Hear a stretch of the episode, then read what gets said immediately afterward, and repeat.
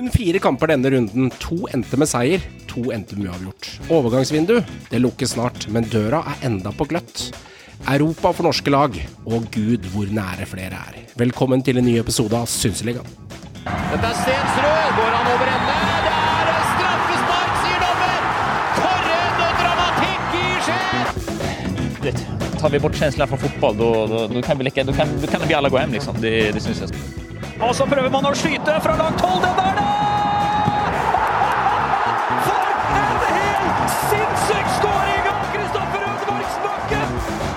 Det ene slaget på trynet etter det andre, men allikevel så har vi, vi har troa. Vi har fremdeles troa. Vi skal være seige vi hele, hele veien ut. Her er Tengstedt! Har du sett? Det er et stykke fotballkunst fra Kasper Tengstedt!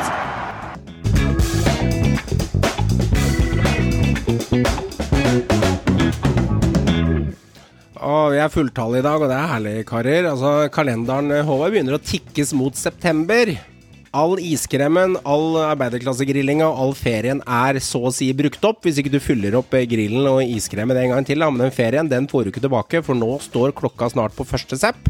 Overgangsvinduet det lukkes, og europahøsten i vente. Ja, det er noe som er litt ålreit med høsten nå, syns jeg. Når, eh, jeg vet ikke hvordan dere føler det med det, gutter, men når du på en måte er vant til at det er litt sånn kjølig i lufta og været, og litt sånn eh, halvveis bob-bob-vær, plutselig kommer det sånn sinnssykt godvær og nesten sånn sommertemp, da blir nesten kroppen litt sånn derre I hvert fall føler jeg det. Faen, nå er, det, er vi ikke ferdig med den varmen nå. Noen ganger så begynner jeg å ta av meg sjøl i å tenke det. At det er nesten sånn Nå er sommeren over. Nå, nå er høsten kommet. Nå får, vi, nå får vi faen meg ha det sånn, da. Sånn er jeg litt noen ganger. Er litt sånn krampetrekning de noen par dager der, ja. Ja, jeg begynner liksom, og det er alltid rundt skolestart. Da kommer det noen sånne sinnssyke sommerdager. Det er selvfølgelig koselig og fint og flott, men så feilberegner du på klær. For om morgenen så er det kjølig og litt kaldt, og så drar du på jobben, og så sitter du med altfor mye klær på deg. Må du ha med deg et skift, vet du. Sånn er det da. Nå blir det skift. Skift i bilen for de rutinerte. Eh, Meran, Ja, siste, ja, uka, siste uka for deg, hvordan har den vært? Det har vært veldig bra. Veldig bra. Eh, Har mye jobbing og utdrikningslag i helga med Joakim. Det var, det var veldig moro. Mm. Så jeg er ganske sliten etter det. Og mye jobbing utenom. Så det, så det, det er høyt tempo, det er ikke noen tvil om. Ah, Jeg personlig eh, kunne gjerne tenkt litt godvær. Jeg syns ikke sommeren var noe særlig lang eller Sommeren bra i år. Så, så jeg tar gjerne litt flere solfylte dager. Og jeg, jeg, jeg får lyst til å telte jeg, når, jeg får sånt vær som det. Håvard si, sommeren er ræva. Altså, det er ikke mer enn sånn tre og en halv uke tilbake. da, Så satt jo Østlendinger og meska seg 22 grader av lo av alle i nord som satt og frøys seg i hjel med Ja, men det i Nord-Norge. Ja, ja, men man blir fort litt sånn Alt er relativt. Det er mange måter å se det på. Ja, men juli var ganske crap, altså. Og Ja, ja, august har vært det òg. Ja, det har ikke vært sånn veldig veldig bra. Joakim han eh, snakker om dette utdrikningslaget i helgen. Jeg skjønner at eh, to av fire medlemmer av Synseligaen dro på utdrikningslag i helgen. Jeg og Håvard, som er de eldste i panelet, satt hjemme og gjorde helt andre ting. Satt, satt sikkert og så på Debatten og Skal vi danse. Er det noe freskt å melde fra, fra helgens utdrikningslag? Nei, sånn fra min side så vil jeg si at sånn strømbånd til hunder er oppskrytt. Å ja. Oh ja. For du så en sånn på butikken, mener du? Du har sett en sånn, ikke sant? Er det du mener?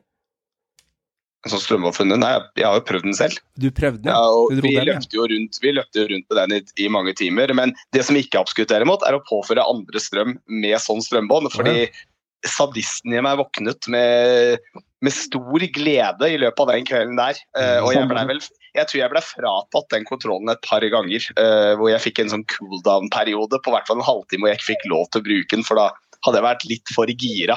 Litt for hissig på den knappen. Du fikk, du fikk Men, slett en liten sånn timeout.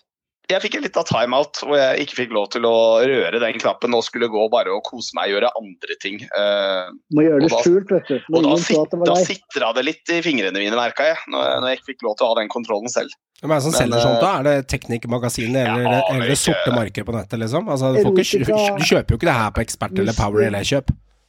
Nei, den, jeg tror, den er ulovlig å bruke på dyr i Norge, Uh, for det er ikke noe man driver med i Norge. Med sånne type ting, men helt ja, ja, ja, altså, herregud, det får man tåle. Det får være grenser for Ikke, ikke når den ikke er med, tror jeg. Det tror jeg ikke er lov, faktisk. Jeg tror ikke du har lov til å bruke den på folk som ikke er med på leken. For det, det tror jeg er ubehagelig, for å si sånn. Det tror jeg ikke er innafor. Illegale klubber og sånn, der det er mye sånn ymse greier. Ja. Hvis du kjøper den på eh, erotika, erotika eller en eller annen erotisk butikk, og eh, mer han ligger den i sånn boksen under disken, eller er det bare åpent rett i butikken i det, i det der dark corner inntil Spør du meg, så er det endegavlvare. Det er ikke noe du har Å, bak disken. Det er melk og det brød, ja. Endegavl. Er du, jobber du i en sexbutikk, så er det ingenting som heter bak disken. Der er. Mm. alt fram, alt er glasshyller og endegavler. Men øh, moro helg, vil jeg Ja. Alle som jobber i retail der ute, kjære lytterne, vet godt hva endegavl betyr. Det betyr kampanjeprodukt som skal pumpes denne uka i x antall volum. Så jeg, jeg skjønner bildet. Det er moro, det. Det er moro. Det har vært en fin uke, karer. Og helgen, altså jeg tror helgen kanskje for noen var litt sånn halvkjedelig også. Eh, vi snakker fire eliteseriekamper, og følte liksom at ah, laget mitt det spiller jo ikke. Det er halvkjedelig. Jeg hadde mitt lag i aksjon, og, men det var flere som ikke hadde det. Så um, alle her sitter jo akkurat og opplevde en fotballkamp i helga som, eh, som er for sitt lag. Jeg er vel det eneste laget av oss fire karer som hadde Rosenborg i ilden. Altså Stabæk hadde hvile. Men noen av oss vet du, hadde Europa. Ikke sant. Det er noe Brann hadde Europa, det er liksom første rad på teatret, det. Så da, Ja, ja, ja, da, menger man seg ikke med Bermen i ligaen. Og Godset de har ikke sett Europa siden eh, 2014, så det er ti år siden snart. Så vi kan jo starte på eh, Sarpsborg stadion, karer. Og Joakim, 4-0. eh, Tromsø blir rett og slett eh, fillefeid, som de sier inne på erotiske sjappa. Altså 4-0. Altså, hva skal jeg si for noe? Det, det, det er, jeg syns det er voksent. Ja, det, det, altså Dette er jo Sarpsborg. dette her da, Nå er de kommet inn i, ut av den bølgedalen sin igjen. og Nå har de begynt å få en liten fin stim å komme opp igjen. og da, og da viser og det, Jeg syns det er litt rart da, at du har et lag som er så- at det kan være så varierende. for Det er jo samme lag, og det, det er veldig lite egentlig utskiftninger på lag. nytt, da. Fått litt nytt. De har fått litt nytt nå, men det, Ja, det, er, jo ikke, det er de samme gutta som scorer, da. Det er de samme gutta Mm. som er med. Uh, men uh, det, altså det, er, ja, det er imponerende av Sarpsborg, Uh, og det var jo altså det, ble, det var jo ganske kontrollert fra start til slutt. Jeg vil jo, må jo si at det er litt svakt av Tromsø. Det var egentlig Jeg hadde ikke helt forventa det, og da Altså, spørsmålet nå, da 4-0 er mye. med tanke på 4-0 hvordan det var mye, men jeg tror kanskje at på en måte så tenker jeg du, Hvis Tromsø ser på dette som et lite score, da, en lite sånn feilskjær At ok, den kampen her var vi helt ute, liksom. Greit. For det, de må ikke hvile for lenge på den her. For hvis de slipper seg ned på det her nivået videre utover, så blir det ikke noe medaljekamp for Tromsø.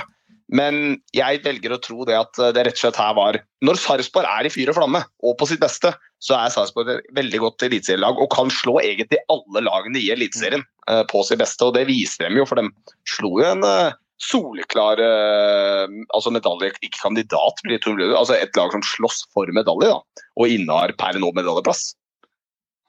Ja, og jeg, jeg syns jo at altså Sarp har jo, det har vi snakka om før, når de var i den forrige flowen sin, da.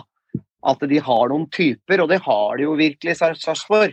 Eh, Både, både i sentrallinja si med, med Utvik og Maigård, men, men også nå så la jeg også veldig merke til han Beistet som kom inn på topp. Henrik Meister Beistet.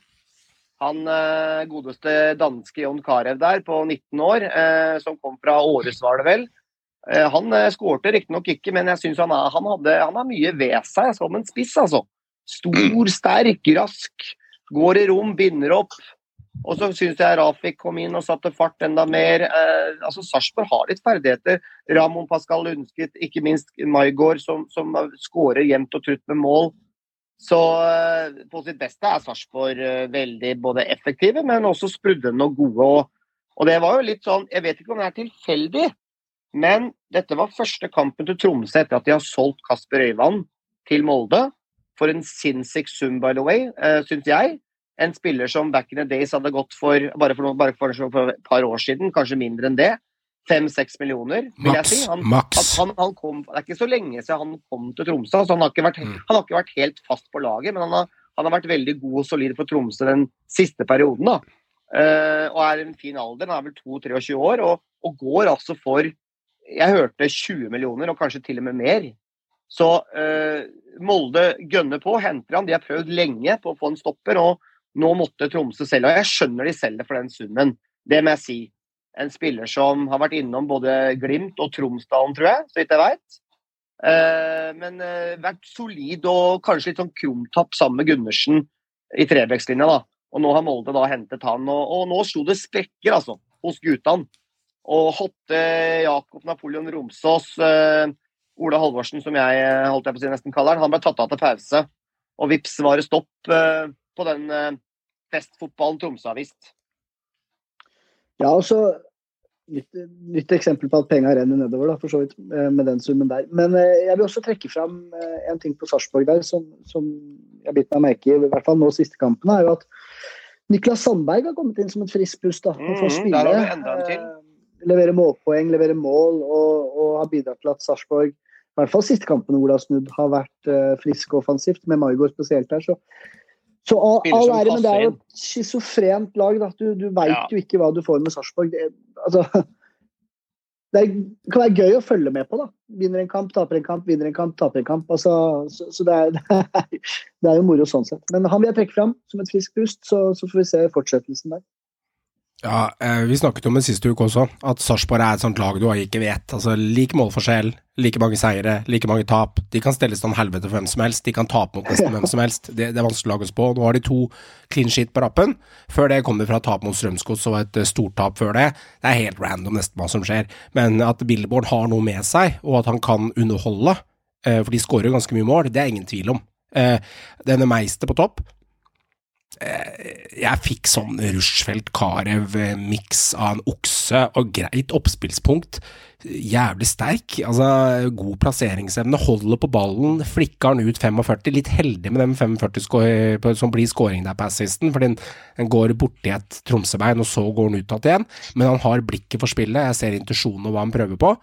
Han her tror jeg kan bli spennende, og det er sjelden jeg sier om de her prospektene til eh, Sarpsborg gjennom åra, at jeg er ganske positiv tidlig. Men jeg bare, han hadde bare en sånn aura over seg på banen som var, som var helt Du, eh, rå. du så det samme som meg, med andre ord. Jeg så det samme som deg, og det, det, det er ikke alltid det er tilfellet over at vi ser det sammen. Ja, jeg syns han var virkelig spennende, og kanskje de har rett og slett funnet spissen sin her nå, Ja, fett. Jeg digger han, ass. Ja, og det er jo det vi etterlyser hele tida også. At de må ha en litt sånn target-spiss. Ikke bare sånne som dukker opp i ny og ne, som Oppsett f.eks., som bare plutselig er god, og så er han borte i to måneder etterpå. Eh, Så du må ha en spiss som faktisk fungerer hele tiden. Men det jeg nå ser, da, som er liksom litt sånn altså eh, Sarpsborg har to veldig gode kamper, ikke bare det, men de har to veldig gode kamper med liksom overlegne seire. Og de går nå inn i en sånn tålelig grei periode. Med Tromsø derimot, det som er utfordringen deres nå, er at nå går de inn i en veldig tung periode. altså i løpet av de neste fire kampene så er jo egentlig med, kan medaljekampen i stor grad være avgjort, for det er vel både Rosenborg, Brann ja, altså det er, det er flere tunge lag da, som de skal møte. Uh, så det er litt spent. da. De må komme seg opp på hesten igjen nå uh, for å kunne henge med der oppe.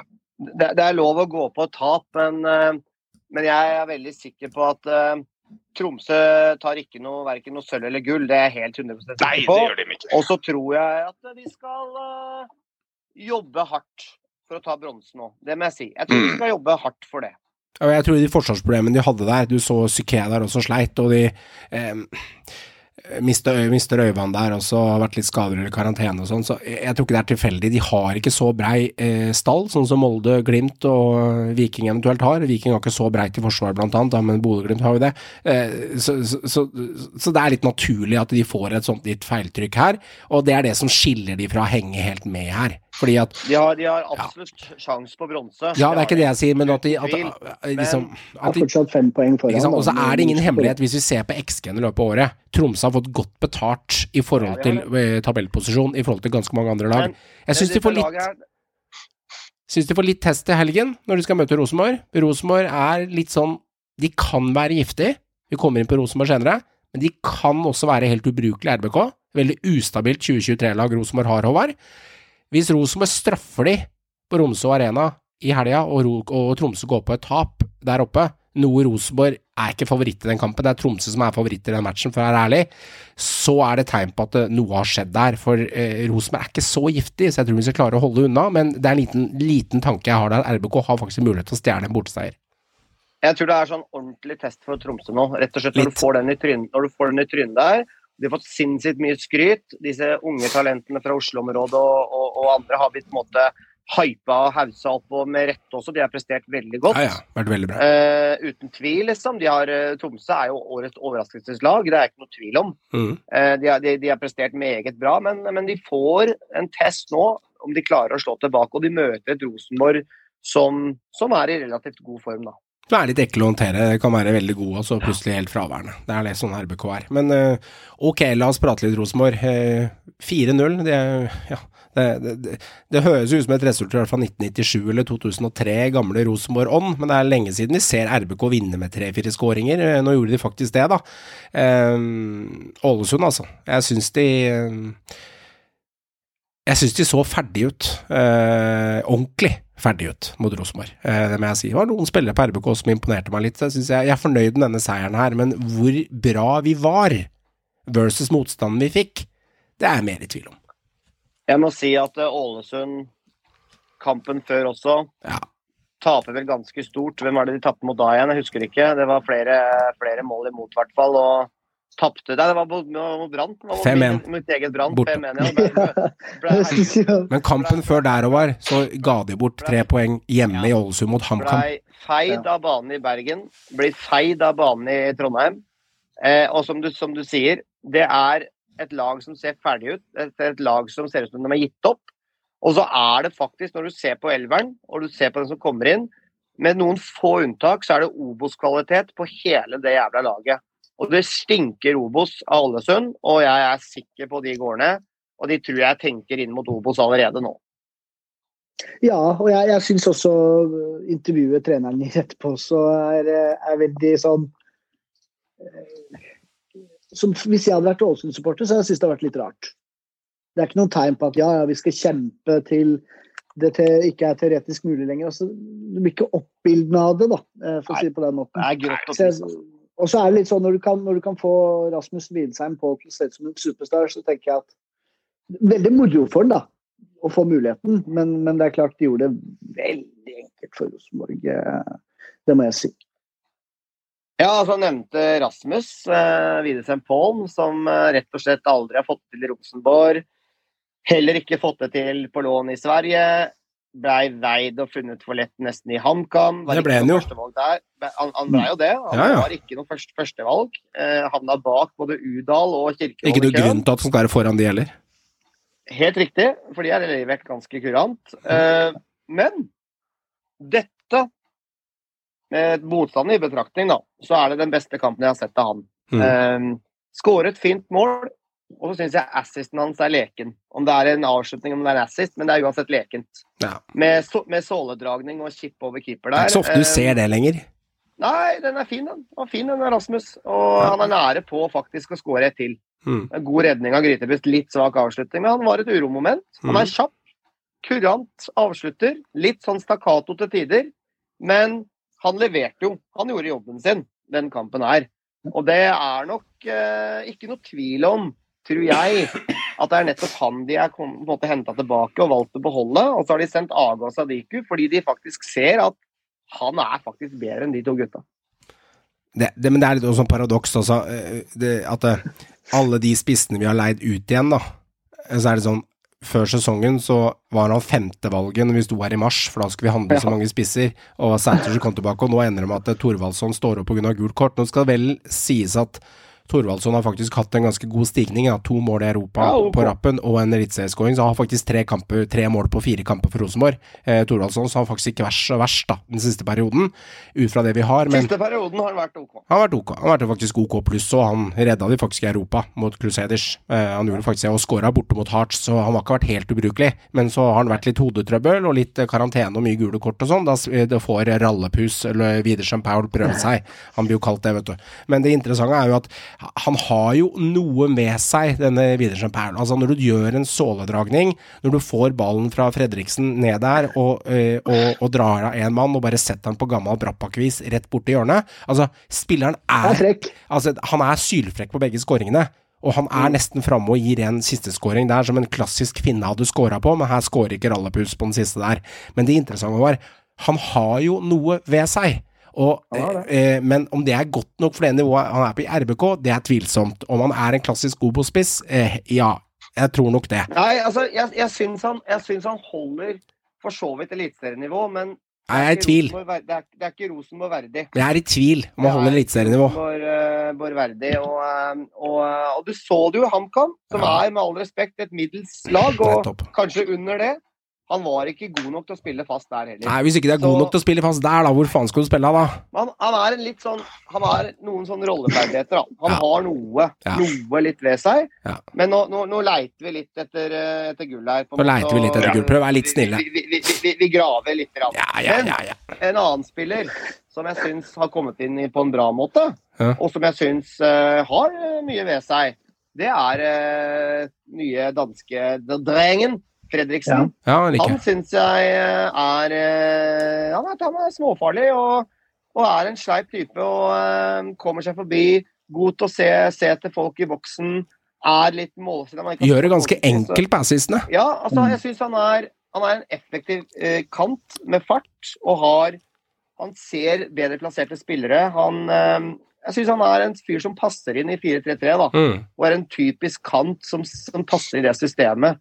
Og så vil jeg selvfølgelig trekke fram Nypan, lille Wonderboyen nå, som har signert kontrakt med agenten til Braut, Rafaela Pimenta. Som, Hva heter han, sa du? Raf Rafaela Pigmenta?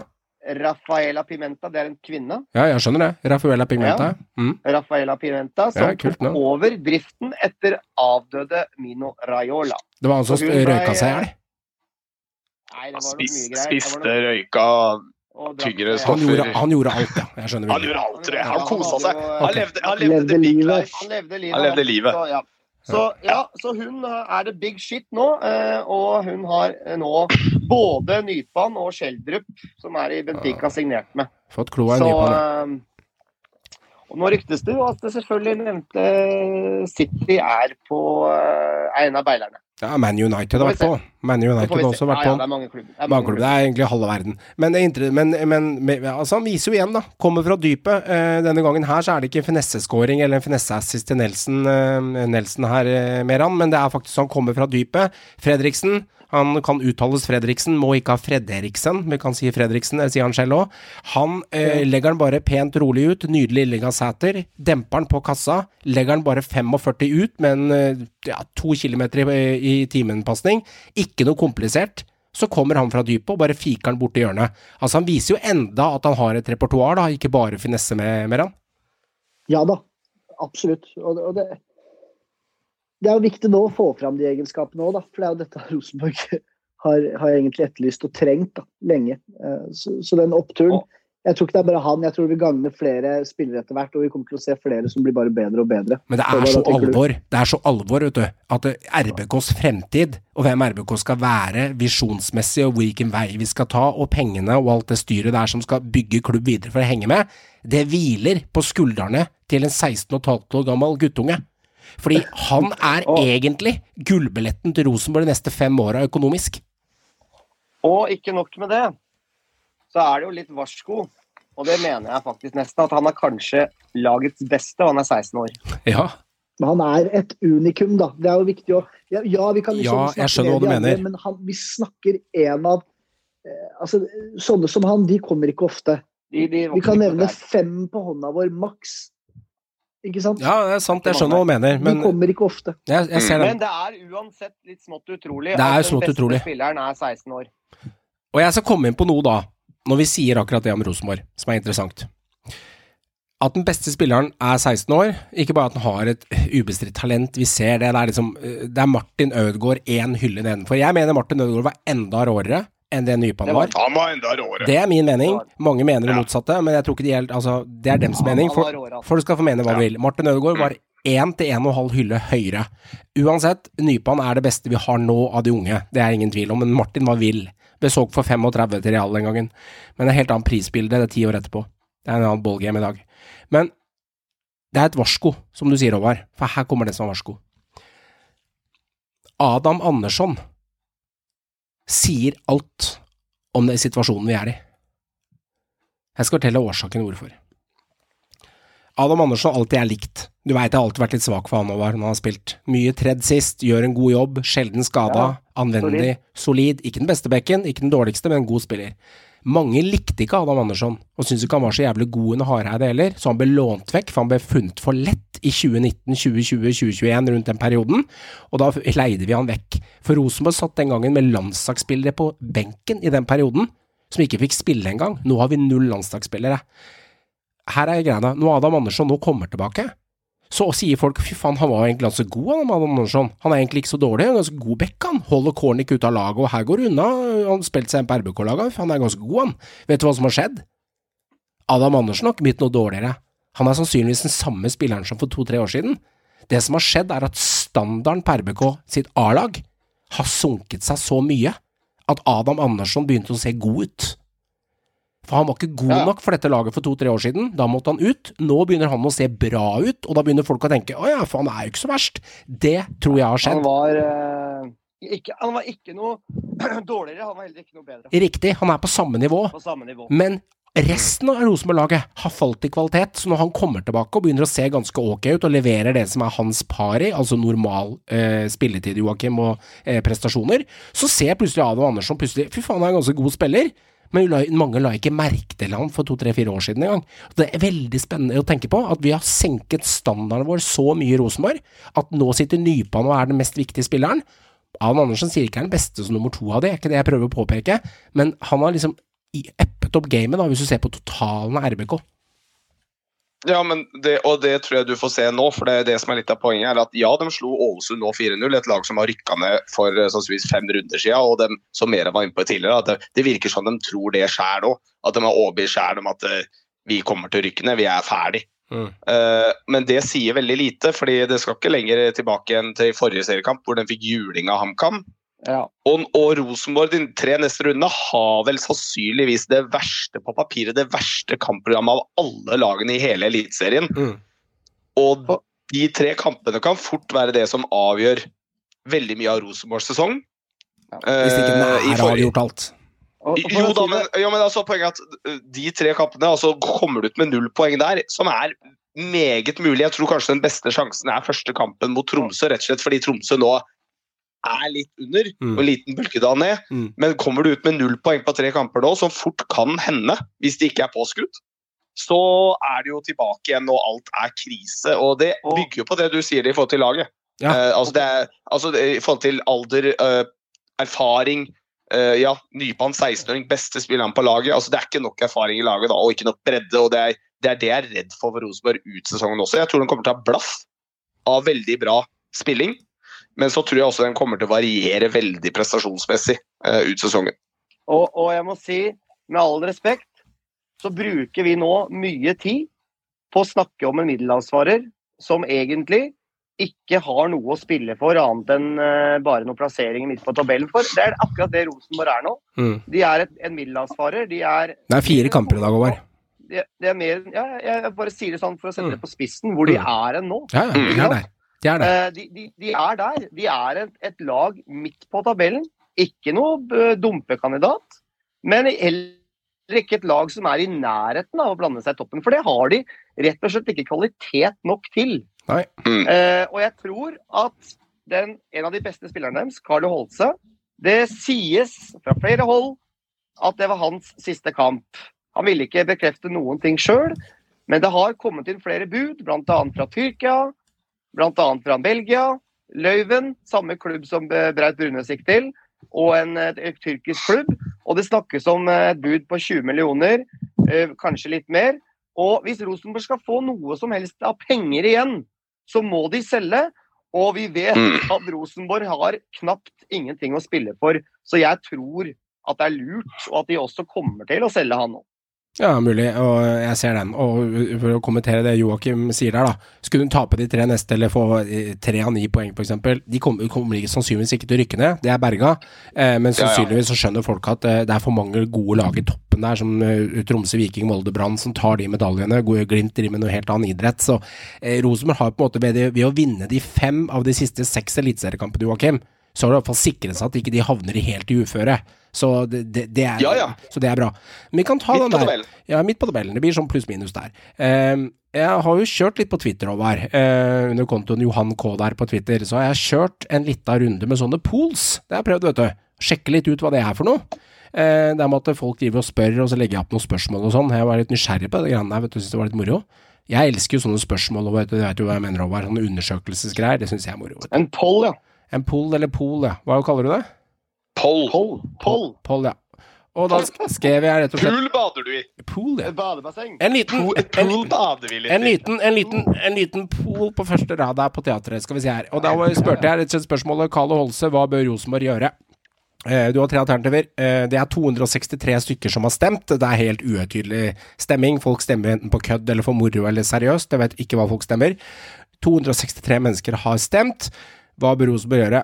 Alternativ 1 er ikke selv. Det er kun 8% Alternativ 2 20-25 millioner er lik selv. Det er 35% Og selv på 35 pluss pluss eller avstå bud er 57% Så du kan si sånn at det er kun 8% mener at du skal beholde han. Eh, Så her er det ganske mange som er enig i den konklusjonen du der sier over, at de bør kanskje ta penga og forlate bordet og tenke er videre. Jeg tror det er dags. Ja, og så sier faktisk 85 pluss 7, eh, 92% sier da, hvis de får fra 20 til 35 millioner kroner, eller, eller mellom der, så bør du faktisk ta penga og selge for et eller annet sted mellom der. Så de fleste er enige om at det skal selges, gutter. Er bare hvilken sum det skal selges for. Eh, Syns du Rosenborg får fair betalt, eh, Joakim, hvis de la oss si de ender med 20-25 millioner kroner for en spiller som har ett og et halvt år igjen, med tanke på at i fjor var han målkonge, nei, assist-konge i Eliteserien, i år har han vært litt fraværende på målpoengene, eller syns du det er for lite, eller syns du det er helt fair? Jeg er litt, altså, hadde, øh, jeg, jeg er litt sånn med tanke på hvordan det er nå. øh, Altså klimaet på salg nå. Det må vi jo. Og så, og så tenker man litt etter altså Hvis jeg tenker sånn grunn, altså liksom på en måte grunnteknikken og hva slags type spiller han er på sitt beste, da, mm. så vil jeg nesten si at det er litt lite. Mm.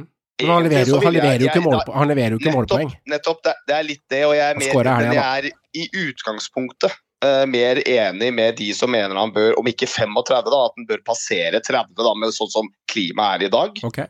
Eh, men jeg kan se den at, altså, i år, men jeg mener at altså, det grunnfundamentet hans, så, altså, det- på et bedre lag med bedre medspill, rett og slett, da, så enkelt, mm. så tror jeg han kommer til å levere bra og være en god fotballspiller på ganske høyt nivå. Så jeg vil altså, si 30 pluss, da. Kan jeg, at jeg legger den midt mellom der. At jeg sier bikker dem 30. Eh, og da tror jeg de må selge òg. Det har litt med økonomi å gjøre, rett og slett. Men hvis han spiller elleve kamper til, Håvard, og det ikke kommer noe bud Du kan ikke akkurat stå med sjekkheftet Dorsin og kreve 30 millioner 1.1 om et halvt år, for da er det bare ett år igjen av kontrakten, så hva For å si det sånn, Ikke sant?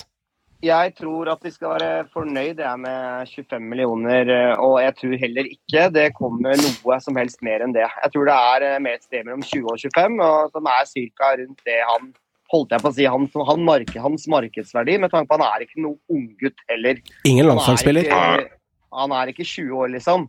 Han, er, eh, han har ikke prestert veldig bra på et lag som har prestert ganske dårlig. Så ja, det, ja, Og heller ingen landslagsspiller som faktisk betyr og, og han er ganske tydelig på at han vil ikke forlenge. Jeg tenker ja, for du slipper til andre.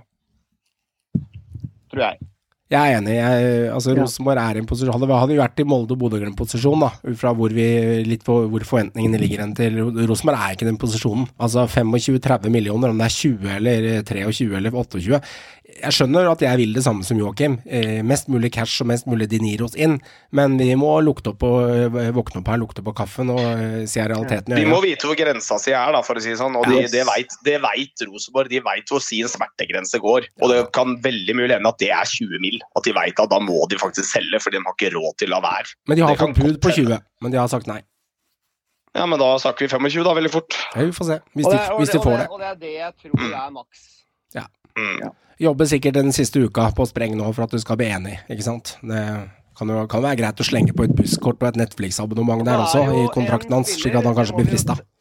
Ja, så må vi jo ta at eh, det er en spiller som trolig er på vei bort før vinduet stenger. eh, Bare for å skyte inn det. En, det. en spiller som var fast under Reka Frigård, eh, og som eh, ble kom for en relativt eh, dyr pengesekk eh, fra, fra HamKam. Nei det var Eh, fem millioner. Ja, det var vel litt mer. Nei, det var fem millioner den gangen. Var det ikke mer? Nei. Nei, jeg tror det var rundt fem. ja. Ja, ok. stemmer. Men uansett, da, han var, han var i Mm. hvert fall en litt sånn signatursignering den gangen, da. Det husker jeg den gangen var litt penger. Nå føles det Ja. ut som vekslepenger. Og, Ja, eh, og han er på vei bort, og det er eh, Tromsø som lukter på han, eh, sies det. Og det Captain er America. erstatter da for Øyvand, da. Mm. Så vi får se hva som skjer i løpet av de siste dagene. Ja, det mener jeg er helt greit. Altså, Røsten har tatt Han burde, han burde selge. Han har tatt, Røsten har tatt stepp, liksom. Altså, Fins ikke noe mer rotete midtstopper eh, i RBK de siste ett og et halvt åra som jeg har sett, som gjør så mye rotete feil, og så har han en enormt svak startfart når han skal få skøyta opp i tempo Mm. de første ti meterne. Eh, eh, god på huet og fysisk sterk og Ja, han er, mål, altså, han er målfarlig. Det Det, er- skal han ha. ja, han er, er- fryktelig Og så målfarlig. er han litt sånn Altså, vinnerkarakter i garderoben ja, ja. og på feltet, og alltid kult to have American guy with you. Det er alltid litt gøy og sånn, men uansett, i the long run her, eh, sorry ass, men eh, Jeg er helt enig. det Han, holdt eh, ikke. han funker heller ikke i en firebeckslinje. Han Nei, er en typisk trebeckslinje. Og. Målen kan jo så vidt engelsk, ikke sant? Og da tenker jeg at det er greit å bare skippe det ut og få noen kroner for den. Det er egentlig godt betalt, men han kan bare tre han ikke kan noe engelsk. Inn, han funker ikke inn som Nei, en han av to ikke toppere. Han gjør ikke det. Det er litt- Eller humor, det med engelsk, da. Tåle litt tull her. Ok, ok. Og fra RBK der eh, til å dytte den videre til Sandefjord-Haugesund, karer. Vi eh, spådde jo at det her kommer til å bli litt av en ryser av en fotballkamp. Det her blir jo rundens eh, Det her blir rundens øyeblikk, eller rundens kamp. Det endte 0-0, i god tro, Håvard. Å ja da, gitt. Og jeg hadde jo selvfølgelig god tro. Cappa all side. Ja, men du på Fantasy om dagen er jo et mareritt. Ja, Ja, det er bare, det er bare å trekke Titanic. seg. Det er bare å trekke seg. Mm. Eh, men eh, det var publikumsfavoritten, dette her. Det var det vi spådde, var det ikke det? Mm. Eh, Sandefjord Haugesund. Det er riktig. Jo, jo, jo. Så det er jo eh, Ja, det er med all respekt. Alle skjønner at det er ironi, men egentlig er det skivebom, da, hvis vi har spådd publikumsfavoritt. Det var vel i snev, det var Vi skjønner. Alle skjønner ironi. Ja. Eh, det er vel med all respekt to relativt dårlige lag. Eh, jeg, jeg, jeg trodde faktisk at Haug, Sandefjord skulle vinne litt komfortabelt, men jeg syns de er litt inne nå i en litt sånn mer negativ spiral enn de var for noen kamper siden. Det, det spiller ikke like bra. bra. Um, en liten stund siden jeg har vunnet nå, vel. Um, nå er Vålerenga ett poeng bak. Haugesund er rett over der. Haugesund er tre foran, da. En gang. Tre foran Vålerenga. Eh, ja. Ja, Og Sandefjord har ett å gå på. Ja, så da er det bøtte jevnt, med andre ord. Men Haugesund har én kamp mer spilt. Ikke sant? Og da er de plutselig rett i ryggen. Så Vålinga, selv om Vålinga ikke vinner så mye, så har de ikke tapt, så de tar poeng. Mm. Eh, og de vant jo også en kamp eh, borte, eh, så de tar innpå. De har tatt innpå Sandefjord, og de har tatt innpå Haugesund. Mm. Eh, og jeg eh, tror nok det at både Sandefjord og Haugesund, disse to lagene her, de kan fort, som vi også har spådd, eh, gjennom både før sesong, men også underveis, at det er to lag som, som virkelig kan være nede i sumpa. Og det tror jeg Haugesund Haugesund er et lag man ikke blir helt klok på. ass. Det er en del mangler hos det Haugesund-laget. Nå har jo også nå har det også skjedd at kapteinen, Krumtappen, Kevin Krygård, han har blitt tatt fra kapteinspinnet, som er litt kontroversielt. Haugesund-gutten. Eh, han vil ikke skrive ny kontrakt, og han har bestemt seg for å dra etter sesong, akkurat som Mats Sanne. Mats Sanne hadde allerede signert for Brann, men han spiller fast. Mm. Det er det mange i Haugesund som ikke liker. Mm. Samme kan skje med Krygård nå, eller så kanskje han venter ut sesong med, med å signere. Men altså, det er ikke eh, bra for omdømmet, og med tanke på at de mister en spiller som er lokalt produkt, som er deres kanskje fremste spiller, gratis etter sesong. Det ser ikke bra ut for en klubb som Haugesund. Nei, altså, altså Det som er med Haugesund nå, da, er at altså, i motsetning egentlig til Sandefjord fordi Sandefjord har i hvert fall bevist at de altså de kan skåre mål. altså De kan skåre mange mål når de, er- når de er på sitt beste. Men det er jo tross alt bare Stabæk og Ålesund som har skåret færre mål enn Haugesund hittil i sesongen. Altså De, de har skåra 18 mål på 20 kamper, og de har én kamp mer spilt, to kamper mer spilt enn Stabæk. Så sånn sett kan vi i Vi må jo anta Stabæk skårer i hvert fall ett mål på de to kampene. Hvis du antar det, så er den plutselig helt nede her med Ålesund. Jeg tror de skal og passe seg. de, ja, de skal, jeg tror også eh, Haugesund skal passe seg, fordi av de der eh, laga som ligger i bånn der, eh, så er det så mye varierende lag. Og hvis én begynner å få flyt og det er klart, Av de så er det Vålerenga som skal få den flyten, som på papiret. Altså, Det er det absolutt beste fotballaget i bånn der. Og de bør få flyt. Men igjen, vi så det HamKam i fjor òg. Problemet til gjenga er at du vinner ikke, du klatrer ikke på tabellen med uavgjort. Altså, du, du, tar, du nærmer deg, og du kommer deg vei, men du klatrer ikke. Du tar ikke plasseringer med uavgjortkamper. For de evner jo ikke å vinne, de heller. Enn så lenge. Og, men hvis de snur det og får til det, så forsvinner Vålerenga fra eh, de tre klubbene over der, i hvert fall. Og, og kan fort vekk ta igjen både Godset og nærme seg Odd også, sånn som Godset og Odd driver og holder på i, om dagen. Men eh, nei, det ser farlig ut eh, for Haugesund. Jeg har mer tro på Sandefjord, altså, helt Mm. ærlig. For, fordi de har i hvert fall vist et toppnivå eh, Mm. som er ganske bra. Og det har jeg vel fremdeles til gode.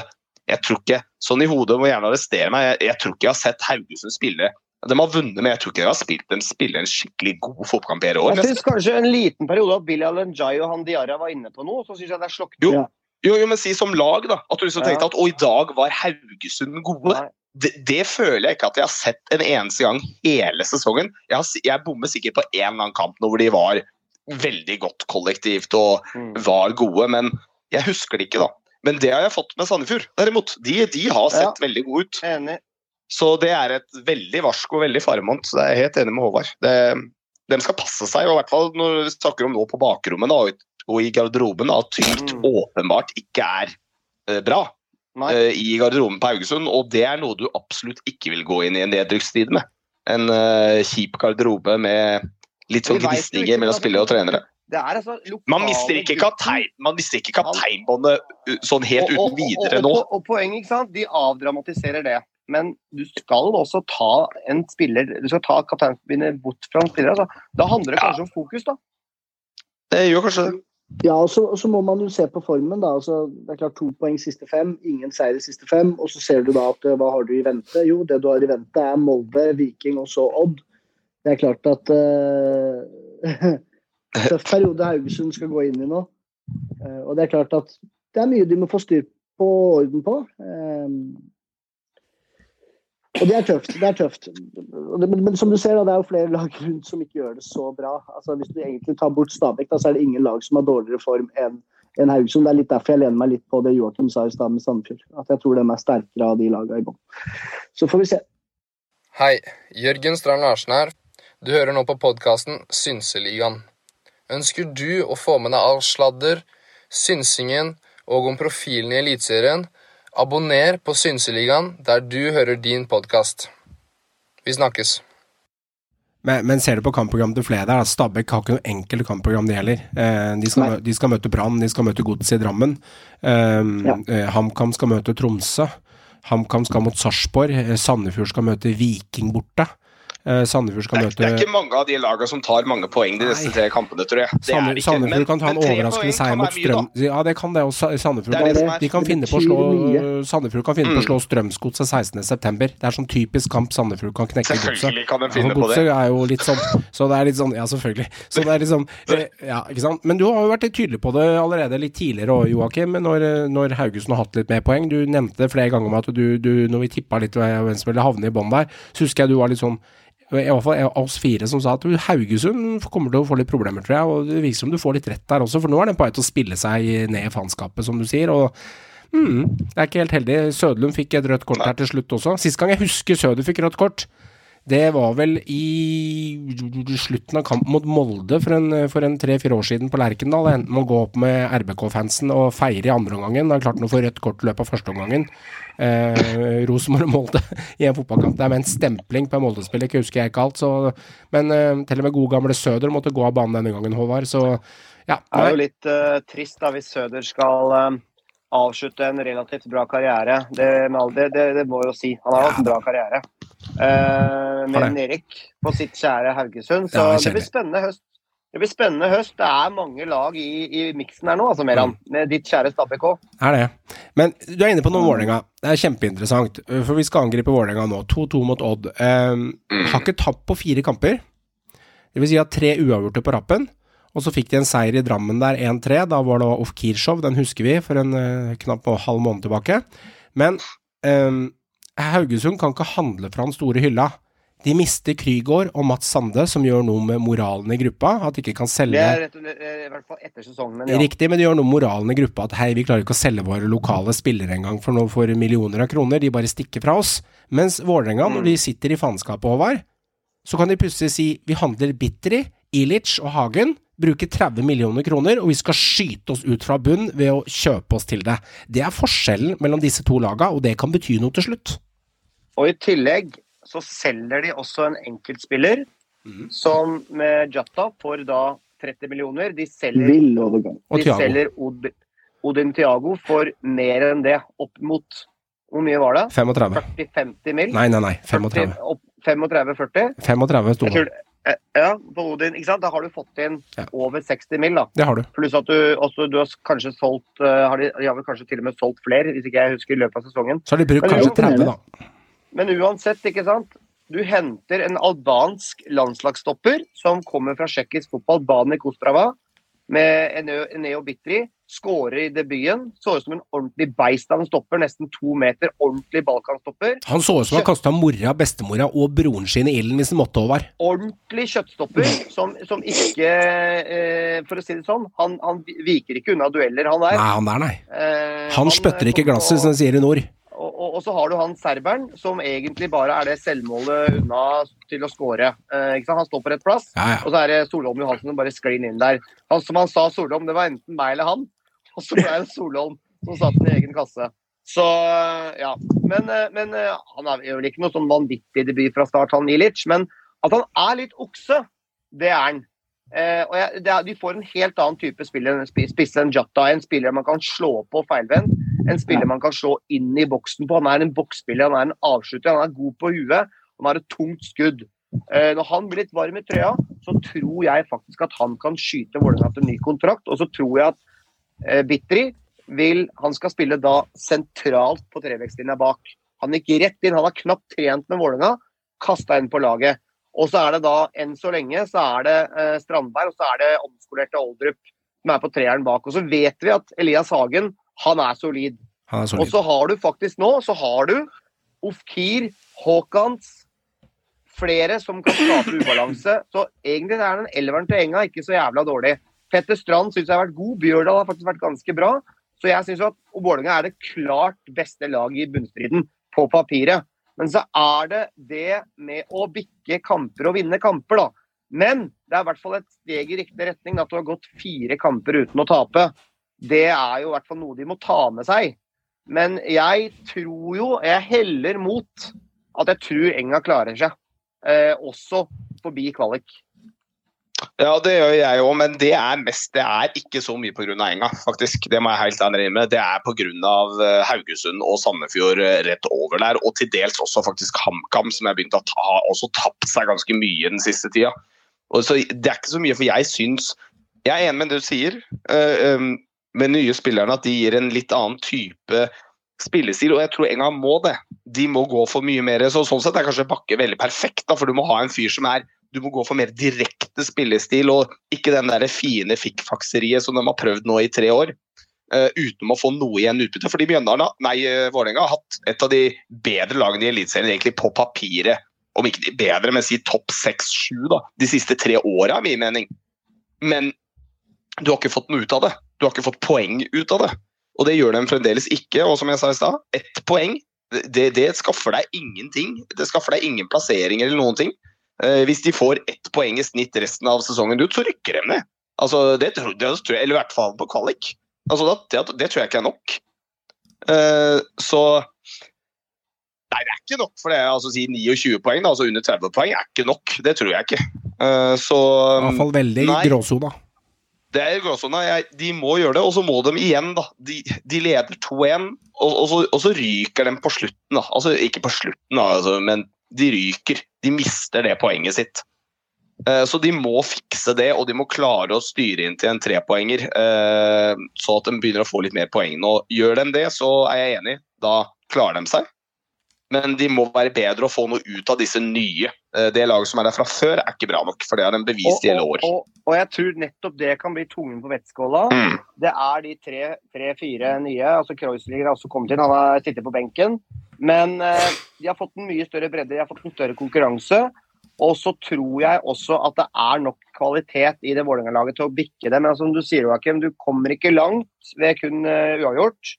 Men de laga i bånn der skal også faktisk ta og vinne disse kampene. De skal også ta de, nok av de poengene. Og Ålesund vet vi er ferdig, da står det igjen to plasser. Mm. Jeg er litt usikker på om de lagene der nede har nok kvalitet til å komme seg forbi enga, altså. Mm. Jeg må si det. Men ok, la oss lene oss på statistikk. Fordi statistikk er i hvert fall noe vi kan bruke til å på en måte prøve å synse og forutse fremtiden. Er vi litt enig? Er vi enige i det? Ja. Em, Ålesund har tre seire og ti poeng. Em, og så kan vi si liksom, Ålesund tar så lite poeng at det kanskje holder med mindre poeng i år og hei og hå. Mulig. Men se litt på i fjor. Jerv rykket direkte ned med fem seire. Ålesund har tre hittil. Så det er jo ikke umulig at Ålesund får fem seire samlet i år, og da kommer de til å havne på ca. 20 poeng. 18-20 poeng. Samme som Jerv fikk i fjor.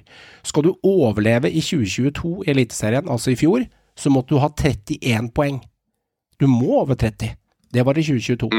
Går du på 2021, kan vi gå tilbake til denne sesongen, da måtte du ha 33. Det var Odd. Da var det Brann som fikk kvalik på 26. Går vi til 2020, og det var fortsatt drittlag i de åra her som var helt håpløse, som vi bare ler av, eh, som var helt håpløse. Går du til året 2020, så var det Godset som overlevde på trygg plass på 31.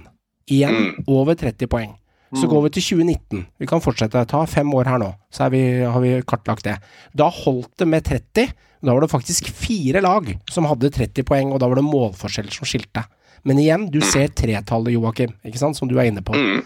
Så kommer 2018, vi kan ta det i samme slengen. Da måtte du også ha 31 poeng. Det var godset. Overlevde med trygg plass. Og 29 var kvalik.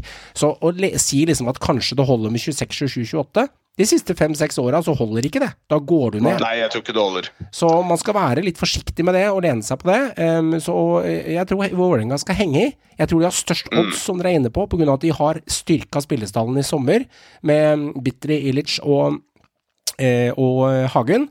Eh, de er gode spillere i hvert ledd, versus konkurrentene. Men det har noe med at de skal spilles inn, det har noe med at alt skal stemme, det har noe med mange ting, og de har ikke topp på fire kamper, så de har lite grann vind i seilet akkurat nå. Lite grann. Men de skal ikke være for sikre, for det, det kommer noen kamper nå. Vi kan ta det i neste Ja, det gjør det. Ja, det gjør det. Vi kan ta det neste kampprogrammet til Vålerenga, vi kan diskutere det litt. Eh, Viking borte, kommer nå over. Så skal de ha Så kommer. Krontappen. Altså rett og slett eh, Holmenkollen spesial i mars innafor skirenn. Det er den store skidagen for Vålerenga, og det blir Ålesund hjemme. Det er en fuckings must win, for å si det rett ut. Ja. Det er den største must-win i hele Ja, fordi hvis ikke de vinner den, så skal de borte mot Bodø-Glimt på Aspmyra om tre kamper. Og så skal de møte Brann på Intility om fire kamper. Jeg kan fortsette, gutter. Så Ja, og så, De har en Sandefjord-kamp midt i der òg, borte mot Sandefjord. Ja, borte mot. Sandefjord. Og hvis ikke den går så bra, da, for Sandefjord kan være litt ekle ned i Sandefjord, Ja, ja. så skal de møte Lillestrøm om fem-seks kamper borte på Åråsen. Og det lever sitt eget liv. Og da har vi Ja. fem kamper igjen. Og hvis ikke, Da du kommer begynner, da begynner folk å svette. hvis ikke du begynner å komme deg ut av uføret da, da må du åpne den derre der bridge-posen og Twist-posen en gang til og se om det er noe sjokolade igjen, altså. For da begynner du å svette over. Da tror jeg det blir eh, sykemelding på Jokke. Ja, da er det rett og slett ei lita sykemelding 22. oktober. Kan vi allerede bestille da, tenker jeg. Så Ja. Nei, det, det den som lever får se, sier han. Ja, og Jeg sier ikke at det er lettere for Stabæk, og jeg sier ikke at det er lettere for Haugesund. Og jeg sier ikke at de andre har det lettere, men det er noen oppgjør her som, eh, som, som lukter litt blod, svette og tårer. Det kan vi vel Det si. som taler litt imot, at de, de vinner jo faen ikke hjemme. Ja, én seier, og det er mot. HamKam. De vinner ikke i egen lekegrind, altså. Det er et mareritt på Intility. Ja. Det, Bare, bare, bare sånn for moro skyld, bare så jeg kikka, så kan jeg kaste inn at de to neste kampene etter der igjen, det er Sarpsborg og RBK. Så, I 26 og 27? Ja, i 26 og 27. Så hvis du tar det de åtte neste kampene, for de har Ja. 19, har de ikke det? Si åtte neste kampene Ja. der. Altså sånn jeg ser på papiret, da, så ser jeg muligheten for at de skal ta tre poeng der. Det er under halvparten. Og karre seg Sånn til en uavgjort hvis det er heldig et eller annet sted. Det de det, det lukter sånn kanskje si fem til sju poeng på de kampene. Det er ikke sikkert det er nok, vet du. nei, men da er det fremdeles veldig runde 28. fareson på Ja, da er det en veldig faresom før slutten der. Så ja, det er spennende, og det, Ja, det er de har spennende. absolutt lyst til å Det er- tape, ikke sant? Det er det som er jævlig gøy, da, sånn objektivt. ikke sant? At det Mm. er så kamp i bunn og topp nå. Det er jo helt voldsomt, ikke sant? Ja, ja, ja. Siste tid nå. Det er jo helt rotterace i bånn og, bånn og toppen. Ja, men så viser de jo plutselig, da, eh, hvis vi skal forsvare dem litt òg, at de går bort på Røkkeløkka og får en 0-0-kamp. Det er ikke alle som henter poeng borte mot Molde heller for to runder siden, og det er også en sterk prestasjon, så de har Det- noe i seg. Det som jeg syns, da, for å ta litt eh, si, faglig og spille dem, så syns jeg at de har blitt eh, veldig mye bedre defensivt under bakke. Det syns jeg de har blitt. Eh, jeg syns at de, eh, de er mye mer solide der enn de var under Fagermo. Jeg syns det er mindre tull, selv om de, ja, de slipper inn på slutten og sånn, men jeg syns allikevel de har eh, mer kontroll. Og så syns jeg også det har vært et riktig trekk å vrake eh, unge lovende, keeperen der. Eh, herre min hatt, hva heter han for den, da? Han eh, Ikke Sjøeng. Tangvik. Sjøeng, ja. Jeg har holdt på å tenke på han Rosenborg-keeperen ennå. Sjøeng. Eh, Storevik har vært solid. Bortsett fra den ene tabba mot eh, Godset, var det vel, så har han vært veldig solid. Redda opp igjen med en gang. Eh, han har vært eh, solid. Jeg tror det var riktig å gi Sjøeng en pause. eh, og, og, og, og sette inn eh, eks-Sandefjord-keeperen eh, i buret. Og han har vært ganske god. Mm. Jeg er enig. Eh, det, må, det er offensivt, de må forbedre seg og de må klare å vinne fotballkamper. Det er alt som trengs. og De har den absolutt største oppsiden av laga i bånn. Det er det ingen tvil om. å få skikk på han spissen. Ja, men Jeg er enig med deg, Håvard. Jeg syns de, de har vist fremgang defensivt, men også offensivt. og jeg spiller de seg også bedre. Jeg syns du ser et lag som, som er i utvikling, hvor med mer tid og bakke så vil det se bedre ut. Av bunnlaget så er det ikke noen tvil om at de har det største potensialet og forutsetningen nå til å, til å komme seg ut av bunnen. Og det er også med ditt eget Stabæk, tenker du? Ja, ja, ja. ja, ja, ja. Med Stabæk er i bånn, så det er ikke noe. Vi skal kjempe for å holde plassen. Ja. Ok. Fantasy-karer? Ja. Ja, da, må vi jo bare starte her, da. Eh, vi kan si det sånn. Eh, gikk gjennom, jeg som liker litt tall og var, eh, så gikk jeg bare litt gjennom litt sånn morsomt her. Og de Bare sånn eh, Fortell eh, Vi legger dem bare døde en gang for alle. Du tok jo rekorden, Håvard, med minus åtte en runde. Det er mange som fikk dårlig, og en runde her var ikke all verden heller.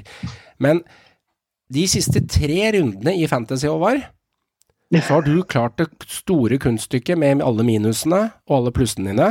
Jeg har regna på det. Jeg har trukket fra alt sammen, eh, bare alle poengene, i tre runder. Og få 40 poeng i spillet. ja, det er god jul, det. Kan du bare ta oss kort igjennom eh, Hva var det som skjedde nå, Frode Grytten? Eh, nei, det, det er jo litt smått ironisk at når jeg kanskje hadde en gang ja, jeg, jeg fikk eh, best av oss eh, i Sinterligaen en runde der, med 60 et eller annet. Eh, og etter den runda, når jeg trodde at jeg var på en liten opptur, så har det gått straight to hell, altså. Det var fullstendig eh, ad undas. Og alt som kan gå galt, har gått galt. Eh, og jeg har valgt å gamble på en del minus. Jeg mista jo huet fullstendig oppi stryen der med et wildcard som jeg aldri skulle tatt. Eh, men det gjorde jeg. Og så har jo disse minusene mine slått fullstendig galt. Jeg har gambla på at jeg skal treffe på de jeg har, har på, eh, på laget, ikke sant. At det skal treffe. Men problemet mitt er at jeg da har, eh, har satt så mye i banken på minus at eh, jeg har jo bomma fullstendig da, på de som er inn. Alt fra kaptein, men også ta generelt de som spiller. Sånn som nå, i runden i helgen, så tok jeg nye 12 minus. For jeg hadde jo veldig, veldig Jeg hadde mye blanks. Så jeg håpa jo at, at eh, Tromsø da skulle spinne videre. Jeg håpa at Sore Diarra skulle fike inn en. Jeg håpa at uh, Al Saed eh, selvfølgelig tilbake og skulle herje for Sandefjord. Men, men alt gikk til helvete, eh, rett og slett. Så det blei vel en Med disse minusene blei det en eh, åtte poeng eller et eller annet sånt, da. Eh, det er ikke mye å skrive hjemme om. Så nå er det bare å eh, prøve å få en eh, en positiv følelse inn mot neste sesong. Jeg tror vi må legge det på den ennå. Ja, denne runden her så var en amputert runde for veldig mange. Eh, kort fortalt oversiktsmessig så tror jeg mange av lytterne våre også kjenner på det, at eh, de sto med to, tre, fire spillere, for å gjøre en liten kort oppsummering. Eh, noen tok mange bytter, andre tok få bytter. Noen gærninger kjørte et wildcard, og andre de eh, kjørte tolv minus, sånn som Håvard gjorde eventuelt der. Og du ender jo med åtte poeng, Håvard, etter at minusen din er trukket ifra. Det gjør deg til desidert sist. Altså, jeg slo deg med 18, så det vil si at hvis du skal ha sånn kamp, lokalkamp mellom meg og deg, så var det ikke noe stor runde på meg heller. Det som redder meg, er selvfølgelig at jeg kjører bare et lita bytte i bordet og slipper å få så mye minus. Meran Ikke noe voldsomt god runde for deg heller. Nei, men forskjell, det er forskjell på å få, uh, få 78-80 poeng på tre runder og få 40. Ja, det er ganske stor det som forskjell. er interessant her nå, det er jo det at uh, du har mista din ledelse. Og den har skjedd gradvis. Den kommer. Den kommer. Meran har 36 poeng, uh, og det gjorde at du satt dobling på meg, Meran. Eh, og da er det 18 poeng du henter på meg denne runden her.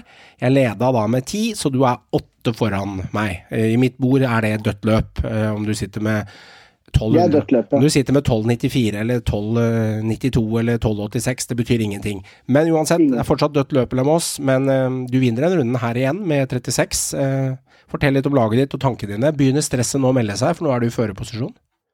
Absolutt ikke. Nei. Det jeg vil bare si, jeg vil, jeg vil ta anledning, jeg vil faktisk bruke anledningen til å, å skryte av meg selv. Jeg er kommet opp fra dypet. Jeg lå på sisteplass, gutter. Ja, du gjorde det. Jeg har alltid ligget på sisteplass, gutter. Mm. Så, så den her, den skal jeg faen meg ha. Ja, men det lønner seg å stå og løpe ut. Til meg sjøl. Og takk til Kim Are i Haugesund. Og, og det, men det som er, er at nå er det gøy. Nå er det gøy å holde på. Jeg må og si, Meran. At jeg unner at du vinner i år, for du er den eneste av oss som ikke har vunnet. Så jeg unner deg den seieren. Så jeg heier litt. Siden jeg ikke vinner sjøl, så heier jeg litt på deg. Og så er det litt viktig, Joakim, også, men han skal fortsette, at han vinner. Eh, fordi at jeg står jo, Ja. med, jeg står jo med to seire fra før av. Håvard har én. Eh, Joakim, har du en seier samlet? Han har også en. Ja, Du har én, ja. en seier. Hvis jeg skulle, jeg. hvis, og Meran har null. Og hvis jeg skulle få den, så er stillinga liksom gjennom alle åra 3-1-1-0. Da viser det at jeg er best i Fantasy ganske tydelig. Men hvis jeg ikke vinner den, da blir det 2-1-1-1, og da er det fortsatt ganske jevnt. Så det er ganske viktig at dere heier på Meran helt inn. Jeg, jeg, jeg heier på Ja. underdogen. Ja, men det er greit, det. Og så er det Jeg er Rosenborg-supporter, eh, jeg er vant til motstand. Dette her er helt i orden. Det lever jeg fint med. Ja, ja, ja. Men greia er at jeg har eh, Jeg har wildcardet til gode, da, som, jeg, som, eh, som det er ikke til å stikke under stol. Den må nok brukes snart. Eh, Samt at jeg har spissrush og to kapteiner ennå, ikke sant. Så, så er jeg har en del eh, Jeg har en del eh, Du har en del skyts å putte inn, faktisk. Du har litt verktøy i banken, du altså. Jeg har det. Og, og så nei, så nei dette, dette blir gøy. Dette blir gøy, og så skal vi se planlegge utover uka hvordan eh, Du traff jo skal rimelig bra på kapteinsvalget ditt òg, med Maigård. Det skal sies. Ja, men vet du hva, det er, i det siste så har, har jeg nettopp det er nettopp det, jeg har ikke truffet så innmari bra på kapteinen de siste rundene. Så det er veldig deilig å treffe nå, da. Når jeg først har seks eller sju spillere til dyst, så er det en stor fordel at det, den spilleren som var best da, i antall poeng, var faktisk kapteinen. Så det, Mm. det var bare kjempebra. Mm. Du har Joakim, laget ditt. Hva tenker du eh, generelt? Du tar jo en eh, 26 poeng, da. Det er ikke all verden heller, med, men det er null overganger her, da, så du har tydeligvis spart litt, se. De har spart og spart. Uh, Meran sa til meg sånn plutselig eh, ut, ute i dette julebordet Nei, i denne utviklingslaget vi skulle være, og så sier Meran ja, du, du har fiksa laget ditt. Å, Og jeg bare sånn Altså for å si sånn, Salvesen er jo min kaptein, eh, så det er åpenbart at jeg ikke har fiksa laget mitt. Fordi Mhm. kapteinen min spilte jo ikke. Eh, Så altså det jeg skal si, da, helt ærlig eh, Jeg fikk hva for noe, 26 poeng. Hmm. Ja, og jeg har fire spillere som spilte. Så alle de som spilte, de, Ja. de gjorde det jo bra. De gjorde det. Altså, alle de fire spillerne jeg hadde på laget mitt som spilte, ga meg jo uh, greit med poeng. Mm. Så jeg er veldig fornøyd med de. Uh, Litt irritert på at jeg bomma på den, men igjen da, så er jeg litt sånn som Håvard. og Jeg har vært en stund nå at uh, jeg ser at nå begynner dette å bli trangt. Nå er jeg liksom ferdig med to tredjedeler av sesongen. Det begynner å bli veldig lang vei opp her. Ja, Eh, så jeg hvor, hvor går langt bak er du meg, egentlig? Nei, jeg, nei, jeg tror det må være langt. Jeg har ikke sjekka altså, Jeg har egentlig gitt opp å sjekke dette. her. Jeg skal, uh, Jeg skal se, Hvor langt, gutter. hvor langt er det? Eh, mange poeng Mer- har du, Håvard? Det kommer. Meran har eh, 1220. Uh, Johan har 1212. Det er fint tall, vet du. Ordentlig tall. Mm. Og så har Håvard 1080, så Håvard har jo Nei, men da kan jeg faktisk kjempe jeg, Nei, da, da har jeg Og så har Joakim 1037, Ja, så det skiller jo, skiller jo 53 poeng, da. Jo da, jo da, men, men, det, er, men det, er, det, er, det går an. Altså, det er mulig å få til, så da får det være målsettingen, da. Jeg har litt å kjempe for. Jeg kan kjempe for å ikke få jumbo. Det Ja. Ja, det hadde Det, vært var, trist. det blir vi, Det er Det det er det vi må slåss for nå. for. Uh, Ja. Ja, ja, ja, ja, ja. Sånn er det. det er Men det som er digg, da, i hvert fall noe som er digg, da, at det er sinnssykt mye penger i banken nå. Ja, å ja, det er moro. den, Det eh, er moro, vet du. Ja, ja, moro. Ja, for du har jo Ja, nei, ja stemmer. Ja, for du, fett, du, du lar deg ikke akkurat eh, puste to ganger og ta fem-seks bytter. En minus tolv. Oh, no, det nye no, no, no. slengnavnet på deg er minus tolv. Mi- Mista alle hemninger. Du er Erling Moe, du. Du, bare, du rullerer alt, du. Durer på. Kjør. Eh, Det er et lag jeg skal skryte av her, som er utrolig artig, og da, da er du sylfrekk. Ikke bare at spissen i helga var sylfrekk, men Spilleren som gjorde det her, er også ganske sylfrekk, altså. Og det er um, Grete F. Bjerang. Det er Sandefjord-dama vår, det, som lytter til Sundsligaen. Er det Sandefjord-Grete? Ja. Det er Grete. Med Ballenenas ballsparkere. Du er passe frekk når du kjører Widersen Paul som alenespiss i helga, og drar inn to og tolv poeng. Den er frekk. Det er, det Det er, bra satt av Grete. Ja, den er det er voksent. Men så er, så er Grete litt søt her òg. Hun spiller med hjertet, så hun kjører Al-Saeed som cap. Hun klarte ikke å gå utenom der. Hadde hun ikke vært Sandefjord-supporter i helga, så er jeg som sikker på at hun hadde kjørt Widersen Paul som cap, men hun spiller også litt med hjertet, vet du. Det er viktig. Mm, det er viktig. Men den, er, frekk satt, altså. Det er 0,5% som hadde eh, rallepuss som, eh, som spiss i helga. Så hun tok en skikkelig, skikkelig diff der. Det kan vi skrive under på. Så bra jobba, Grete. Moro. Karer, europakamper i vente. Eh, første oppgjør. Eh, Molde-Galla. Det er leder Galla. Eh, 3-2 sammenlagt. At, etter at det utskjelte Midtsjø på eh, plattformen X holdt på å falle sammen. Den plattformen så, sto jo hang i fem minutter pga. søkeordet eller emneordet Midtsjø når han satt i mål på overtid. Glimt med AC1 Sepsi endte 2-2.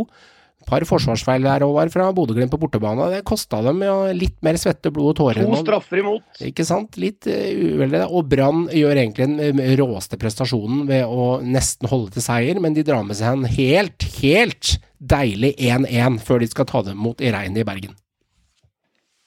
Ja, altså øh, Jeg satt holdt jeg på å si, på spikermatte. Det føltes sånn. Eh, Det var veldig litt sånn spesielt, litt sånn nostalgisk å følge laget mitt eh, fra godstolen ved bortekamp i Europa mot, en sto, mot et storlag.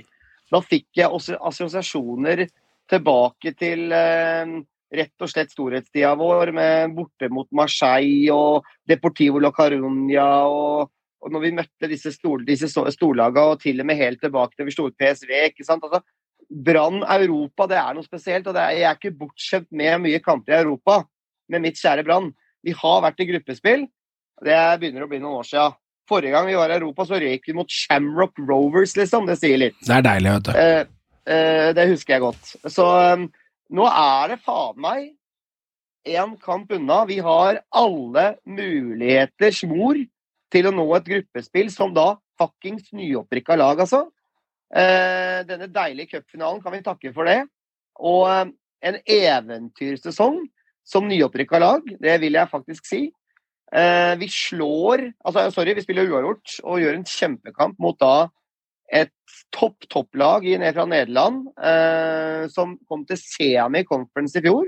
Og Brann er nærmest seieren, altså. Det var faen ikke langt unna at vi vant den kampen der. Og dessverre hadde holdt jeg på å si, hadde Finne vært like heit som han var litt tidligere i sesongen, så hadde han satt et par av de der. Og jeg syns Brann spiller en veldig klok og taktisk god bortekamp i Europa. Og det kommer til å bli et vanvittig kok og leven på Brann stadion nå på torsdag. Så den kampen gleder jeg meg vanvitt- vanvittig til. Og jeg tror at vi har faktisk gode muligheter til å nå et gruppespill. Altså, det finnes jo ingen mennesker, ingen fotballsupporter i Norge som kan sitte med eh, og si noe annet enn at eh, det var ett lag som imponerte denne runden. Det var Brann. Eh, det, det var bare ett lag som imponerte, det var Brann. De imponerte, og jeg er enig med Håvard. Jeg, jeg, jeg, jeg har troa altså, Hjemme på Brann stadion med tatt opp mot 20 000 mennesker som er huggerne bergensere som heier dem frem. Jeg ser ingen grunn til at ikke Brann skal kunne slå Alkmaar der. Eh, Det tror jeg faktisk de får til. I hvert fall oppildna nå da, av den eh, borteprestasjonen. Eh, Så de imponerte meg veldig. Glimt imponerer ingen, men altså, de går jo videre. Det er trygt, liksom. Det er Ja, det er, jo, jo, det er- er 2-2. De går er videre. De, de vinner Det er dette borte- igjen. Det er borte Ja. i Øst-Europa. De gjør det, Ja, men, det. men, det er, men, men det er, men det er, litt, det er litt ekkelt. Det er litt unødvendig ekkelt. Nei, ja, men, de, de er Det er unødvendig, men de, de vinner dette greit på Aspmyra når disse kommer opp på Det er da de er best òg, når de har litt Ja, press. Ja, det- føler Det at går fint. Så altså, de, liksom. De imponerte ingen i den bortekampen. eh, Absolutt ingen. eh, Men de kommer til å ta det fint eh, hjemme. Eh, Og ja, Molde er ferdig. Altså Det sier jeg bare rett ut. De er ferdig. De har ikke sjans. Eh, Du, du må vinne de hjemmekampene når du møter sånne lag som Galatasaray. Da må du vinne hjemme. Helst med mer enn ett mål. Det var vel det jeg sa før òg, før den kampen her. De skal vinne med mer enn ett mål, ellers så tror jeg de sliter. Men Nå ligger de ett mål under og skal inn i den der gryta der. Det- De har ikke sjans, altså. Dessverre. Men igjen, da. Molde lever jo på det.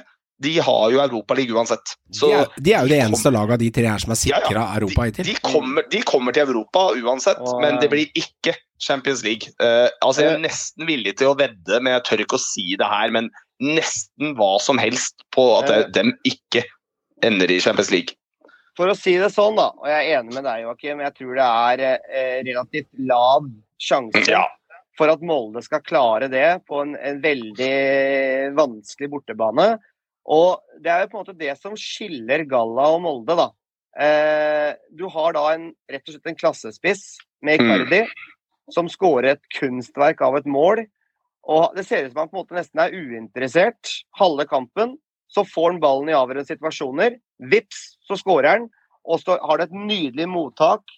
Nydelig pasning, og så er det da eks-RBK Fredrik Midtsjø, den mest usannsynlige matchvinneren, som setter på åpen kasse der, og 3-2 og spikeren i kista på mange måter. Og jeg syns Molde spillemessig gjør en jævlig bra kamp. De prøvde virkelig, men det blir felt i egen forsvar. Der er de for dårlige, rett og slett. Bjørnbakk.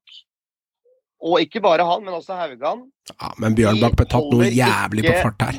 De holder ikke topp europeisk klasse Mm. i forsvarsrekka si. Synd for Molde at de ikke klarte å hente en eh, ordentlig klassestopper før disse kampene. Det klarte de ikke. Eh, de blir felt der på personlig feil og dårlig forsvarsspill. Og så har du også Ola og Eikrem og gutta på topp. De jobber og de skaper sjanser, og jeg syns at bekkene til Molde, faktisk også Knutson, som kommer inn som reserve for Linne, som ble skada, de gjør en veldig god kamp. Midtbaneleddet med Breivik og Mannsverk, meget bra. Men du må skåre på de sjansene i Europa. Og de hadde masse sjanser i Molde som de brenner. Det holder dessverre ikke når du har hjemmebane. Og jeg er helt enig med Joakim, du må vinne sånne kamper hjemme. Når du fikk den i trynet der på overtid nærmest, det er verst tenkelig. Ja. Verst tenkelig. Men Så jeg, jeg, jeg, jeg, levner Molde eh, liten sjanse til å gå videre. Men igjen, de har Europa League, og det er kanskje det nivået de er på. ja, det er nok det nivået de er på. Det er det. Men Ja, altså, det er så- ikke slutt så før det er slutt. de kampene. Det er ikke slutt De før det er slutt. Vi kan si det, det skal Det er spilles. ikke slutt før det er slutt. Det skal spilles. Mer om hva tenker du om mulighetene til norsk-laget her, Tripp Trapp Tresko, hvis du tar oss gjennom dine tanker? Jeg tenker at uh, i løpet av neste runde så er alle videre. Med tanke på, Eller ikke Molde, da, men, men de blir jo i Europa. Eh, sånn Ja. sett, så jeg, jeg ser på det som at eh, de er videre uansett. Mm. Eh, men ja, det blir tøft. Jeg er enig med gutta. Mm. Vedrørende Glimt, for meg så mener jeg at eh, den også er en no-brainer. Det kommer til å ende 4-0. Eh, Ok. det, det blir Jeg en sånn sånn, type i, sånn i etterkant 2-2 borte, det er helt OK. Ja, ja. Ja, ja, ja. Men når det gjelder Brannkampen, det er ikke noe tvil om at eh, det er den kampen det er mest spenning i for mine øyne. Jeg lener meg på det Håvard sier. Jeg mener genuint, med full tjåka stadion der De kan ta Alkmark. Alkmark altså De gjorde jobben utrolig bra på bortebane. De kunne vunnet den kampen. Eh, og det er meg altså, helt upartisk. Ikke Brann-supporter, men kunne tatt den kampen. Og det Håvard nikker, for han er enig med meg.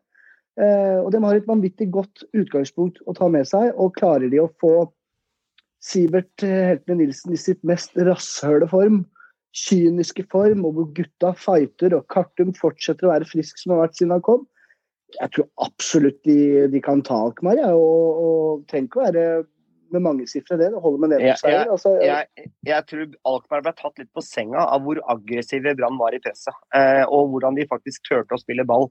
Og Det er det Brann gode på. De var virkelig seg selv, da. Og det syns jeg var jævlig moro å se på en tøff bortebane. Eh, og så vil jeg også eh, altså Pallesen Knutsen og Ruben Kristiansen altså de gjorde en eh, kjempekamp. altså Palla er virkelig Europalle, som han kalles nå. Eh, han har virkelig eh, storspilt eh, etter at Steri Larsen måtte ut med skade. Det har vært jævlig viktig for Brann å få tilbake Ruben Canavaro. Og så fikk vi jo debut da for Joakim Soltvedt, eh, en av ligaens beste venstrebacker, og har vært veldig veldig solid for Sarpsborg. Han fikk sin debut, og det blir en viktig mann både i norsk eliteserie, men også eventuelt i Europa. Så nei, altså den kampen her er lenge siden jeg har vært så spent før en kamp eh, som jeg er nå på torsdag. altså. Det eneste ankepunktet jeg har, for jeg lener meg på alt de sier, men jeg er litt spent på Sånn som du sier, de ble tatt litt på senga. Hvordan Brann egentlig klarer å stille seg mot et Alkmaar som kommer på bortebane, legger seg bakpå, gir Brann egentlig litt kamp, eh, men ikke, og ikke gidder å ha det presset på seg til å styre kampen som hjemme. Jeg er litt spent på hvordan da spiller for spiller eh, Brann matcher opp mot det laget da. Og det er kanskje det jeg ser som den store problemet, er at de møter nå som synes, et helt annet lag. For Alkmaar 1-0 først. Mm. Da tror jeg dette kan bli en voldsomt vanskelig fotballkamp eh, for Brann. Men skårer Brann først, og de må jage, så åpner det opp seg masse Mm. rom for Brann-spillerne. Så jeg tror mye der avgjøres på hvilke lag som eventuelt får det første målet. Hvordan resten av den kampen utspiller seg for Branns del. Brann var jo også litt heldig, sant skal sies, med tanke på at de solgte sin beste spiller, Jesper Karlsson, svensken til Serie A Bologna, eh, rett før. Og de har også skade på sin kaptein Jordi Klasi, som er nederlandsk landslagsspiller. Eh, liksom. så, så poenget er at Brann var nok litt heldig der, sånn sett, det skal sies. Men det er jo deres egen skyld at de har solgt disse gutta rett før disse kampene. Og jeg tror nok at de regna ikke med å få den motstanden fra, fra Brann og Bergen. og en David Møller Wolfe han ble virkelig tatt hardt av sine gamle lagkamerater. Det var- Han lå på gresset opptil flere ganger og rulla der. Så han fikk ikke noe gratis. For å si det sånn, velkommen tilbake, kompis. Han ble faen meg gølva flere ganger altså, av gutta der. Så Han blei det får ikke, han, skikkelig òg. han får ikke noe, noe kjærlig gjensyn i Bergen. Det kan vi si Nei. med hånda på hjertet. Ok. Uh, spå litt resultater, da. Uh, skal vi gjøre det. Galla Molde Håvard, åssen ender den? Eh, Jeg tror dessverre at det siste målet til Galla blir avgjørende. Jeg tror, at Molde, jeg tror faktisk Molde klarer uavgjort, Eh, men jeg tror det dessverre akkurat ikke holder. eh, Jeg tror det kommer til å gi Jeg tror de kommer til å skåre, jeg tror de kommer til å gi det kamp. Men jeg tror nok at Icardi og de gutta på topp, det, det er dessverre forskjell på kvalitet i, frem, i fremste rekker der i, i forhold til hva Molde har å, å rutte med. Så jeg tror det blir avgjørende. Resultatet blir hva? Jeg tror det blir 2-2. 2-2. Glimt eh, Sepsi uh, Meran. 4-0. 4-0, ja. 6-2 sammenlagt. Og Brann. Alkmaar til deg, eh, Joakim. Jeg skal driste meg til, og så sier jeg at Brann vinner 2-1. Brann vinner 2-1. og Det, det, det er ekkelt. Det vil si at det kommer til å leve helt inn, vet du. Helt til siste fløyte, fløytedraget, sju minutter på overtid. Herregud bedre. Nja, jeg tror faktisk Brann skårer 2-0. Og Ja. at det er et mål på slutten som skaper litt spenning. Ja, men da vil de leve helt inn Ja. til sju minutter på overtid. da, er, Det da er det bare en dødball unna eller et eller annet som Ja, ja, kan ødelegge alt. Selvfølgelig. Riktig. Snakke litt, vi snakket litt i Petro forrige uke om eh, koeffisientpoengene og hvilken betydning av det. 14.-plassen i norsk sammenheng, hvis vi havner på den 14.-plassen, det er ganske vesentlig faktisk om vi gjør. Eh, hvis vi skulle havne på 14.-plass sammenlagt, eh, så vil vi ha to klubber neste år som får mulighet til eh, andre kvalifiseringsrunde i Champions League. Vi får én klubb i Europa League tredje runde. Vi får én klubb i, eh, i To. eh, Nei, på 14.-plassen. Jeg har tatt den ut. På 14.-plassen får vi Jeg gjentar, så hvis du lytter først, så kan du korrigere meg etterpå. Det er hentet fra footcalc.com. To klubber får mulighet til å gå til Champions League kvalifiseringsrunde to hvis vi havner på 14.-plassen i koeffisientpoengene. Én klubb får mulighet i Europaligaen kvalifiseringsrunde tre. Én klubb får mulighet i Conference League kvalifiseringsrunde to. Og én klubb går rett til playoff i Conference League. Ergo vi kan sitte med fem klubber samlet. Tallet er fem hvis vi havner på 14.-plass. Og akkurat nå så holder vi den 14.-plassen. Fordi poengene våre nå i, har gått litt opp fra forrige uke. Eh, vi er på 26.250 poeng, og vi har 14.-plassen. Vi er altså ett Vi er altså 750 poeng foran nummer to, og, eller som er på 15., og 16.-plassen, som gir litt betraktelig dårligere eh, kvalifikasjoner for norske lag, det er Danmark på 16., og det er 1000 poeng unna cirka. Eh, så vi, det er ganske viktig, og hver, eh, hver seier gir 250 poeng. Så det er ikke mer enn en tre-fire seire fra eller til Håvard og Joakim Meran. Eh, den ene veien og den andre veien, så endrer med at, at du blir vippes opp og ned fra disse plassene. Det er ganske jevnt det sammendraget her, men vi har ganske mange norske klubber med, og det betyr ganske mye samlet. Så bare det om La oss si Molde og Bodø-Glimt skulle gå videre, da så er det de som skal skaffe poengene våre ut europacupspill ut 2023 for å skaffe oss poeng videre. Så bare det at vi får med Brann videre, og de kanskje slår ut Alkmaar som vil være en liten bombe, det betyr mye for å samle disse poengene. Så det, har faktisk ganske mye å si, alle disse tingene her. Så og det er mye diskusjoner. Diskuterte det i Patron i forrige uke også. Så diskuterte vi hva vi mener om det. Da gikk vi gjennom styresettet, hvordan det funker med tre og fem sesonger, og hvordan eh, poengoppdelingen er, hvor viktig det er å gjøre en god sesong versus å ha en dårlig sesong og dette her. Og litt med hvordan man ser på det med pengemessig til de klubbene. Så jeg lurer litt på hva dere mener i dag, gutter. Joakim, hvordan ser du det som, eh, som godssupporter og norsk fotball generelt? Hva er det du vektlegger? og Eh, er, det opp, er det noen eh, klubber du heier mer på? Snakker hjertefølelsen din der, eller snakker norsk fotball i deg? Hallais, mitt navn er Adrian Nilsen Preira. Hvis du har lyst til å følge meg og de andre spillerne i ligaen, så må du følge med på Synseligaen. Av fans for fans. Uh, nei, det, det, det, er ingen klubber jeg heier mer på i Europa enn uh, en, uh, mitt eget lag.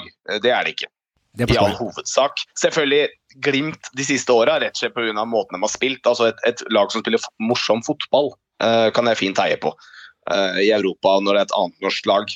Uh, og så er det selvfølgelig klubber jeg heier mindre på. så altså, altså, jeg Det er åpenbart at jeg liker altså jeg liker at norske klubber gjør det bra, for det handler noe om det at det påvirker hvordan ligaen som du har vært inne på nå nettopp, det påvirker jo hva slags sjanse andre klubber har til å komme ut. Så det er viktig når det er sagt, da, så er det liksom sånn Jeg har selvfølgelig full forståelse for at en Lillestrøm-fan ikke heier på Enga i Europa. Altså, altså, Det ville vært rart. Og det mener jeg det er merkelig. Det er samme som om jeg skulle sitte og heie på Mjøndalen ute i Europa. Det hadde aldri skjedd. Altså, Det hadde jeg ikke gjort. Så langt Så langt strekker jeg meg ikke. Uh, og Jeg kan skjønne det samme med Molde-Rosenborg.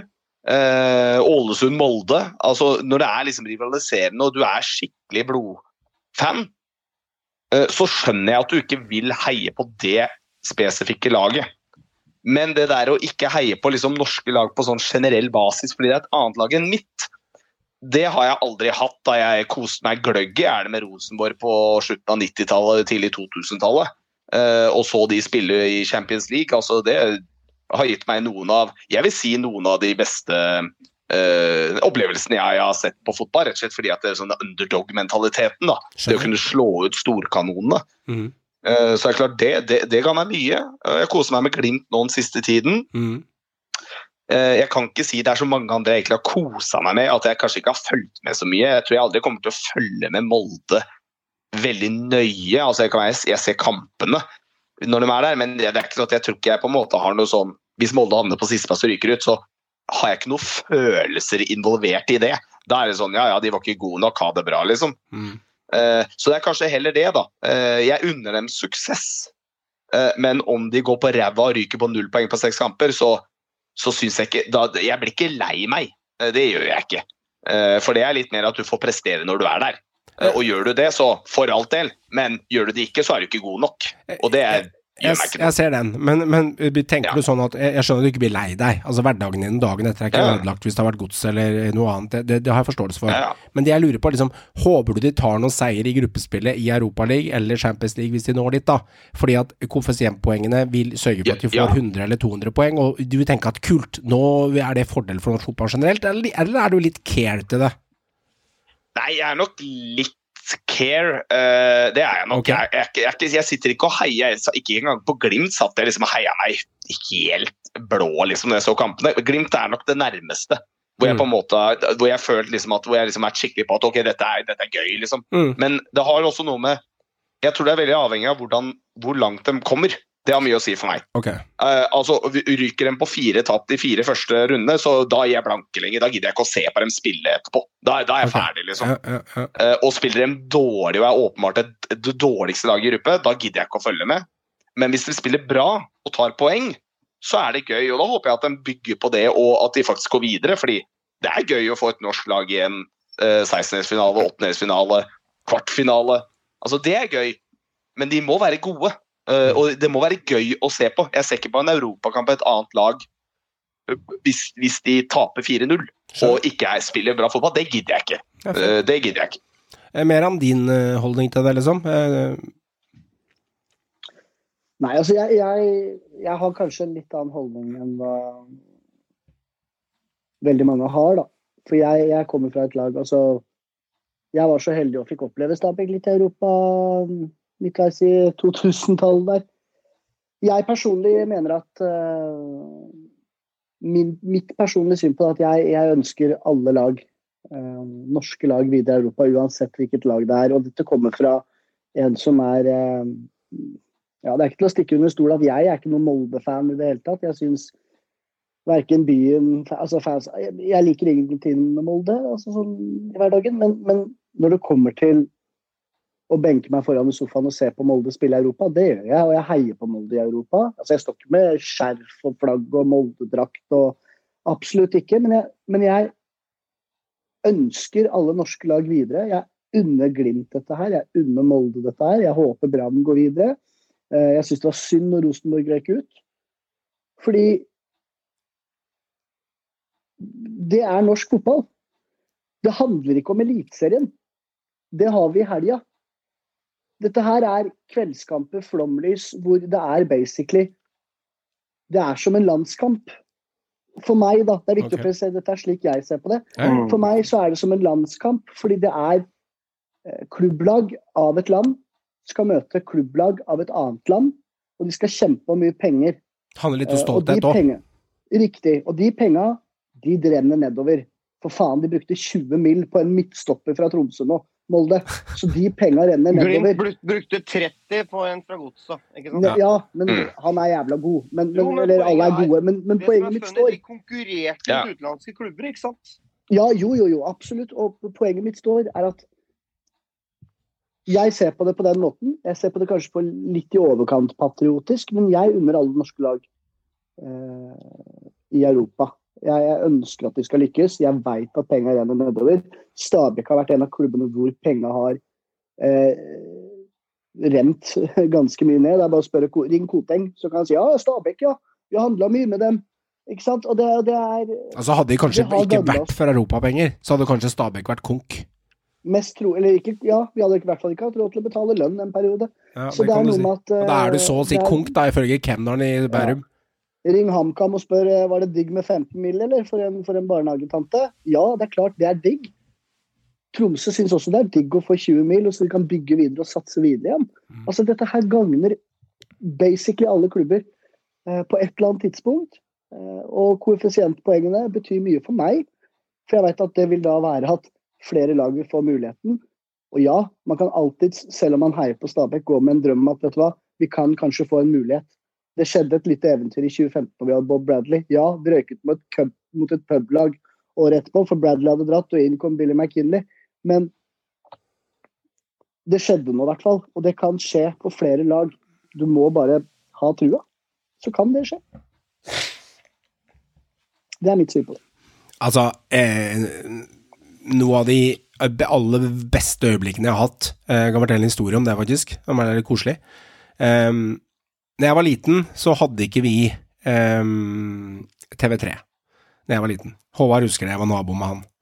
Eh, jeg hadde hjemme hos Håvard, faren min heter Håvard, og så var det NRK, TV 2 og gratiskanalene. Det var ikke noe, det var ikke noe tull. Det var gratiskanalene. Her skulle du ikke bruke en krone mer på TV. Så en av mine beste barndomsøyeblikk som jeg hadde, det var alltid å reise ut til min bestemor hver eneste onsdag, annenhver onsdag gjennom hele høsten. Og det gjorde vi fra 1993 til 2001, i en periode på sju, åtte, ni år. Når Rosenborg var i Champions League. Og da dro jeg og fattern, og broren min var med, jeg var med hver gang. Og da dro vi ute med bestemor, så Champions League-kamper ute på Røyken, annenhver onsdag. Det var alltid onsdagskamper, husker jeg. Eh, og besøkte bestemor og var der i fem-seks timer og fikk kake og wienerbrød og alt det koselige etter hvert. Og eh, veldig hyggelig minne med henne, og vi satt og spiste og koste oss og så kamper, og så Blackburn-kampen der med Ståle Stensås og Skudda og Deportivo La Coronia og ja, Dortmund og Det er mye greier. Vi har hatt mye gode øyeblikk. Altså, de øyeblikkene der er så gull verdt for meg.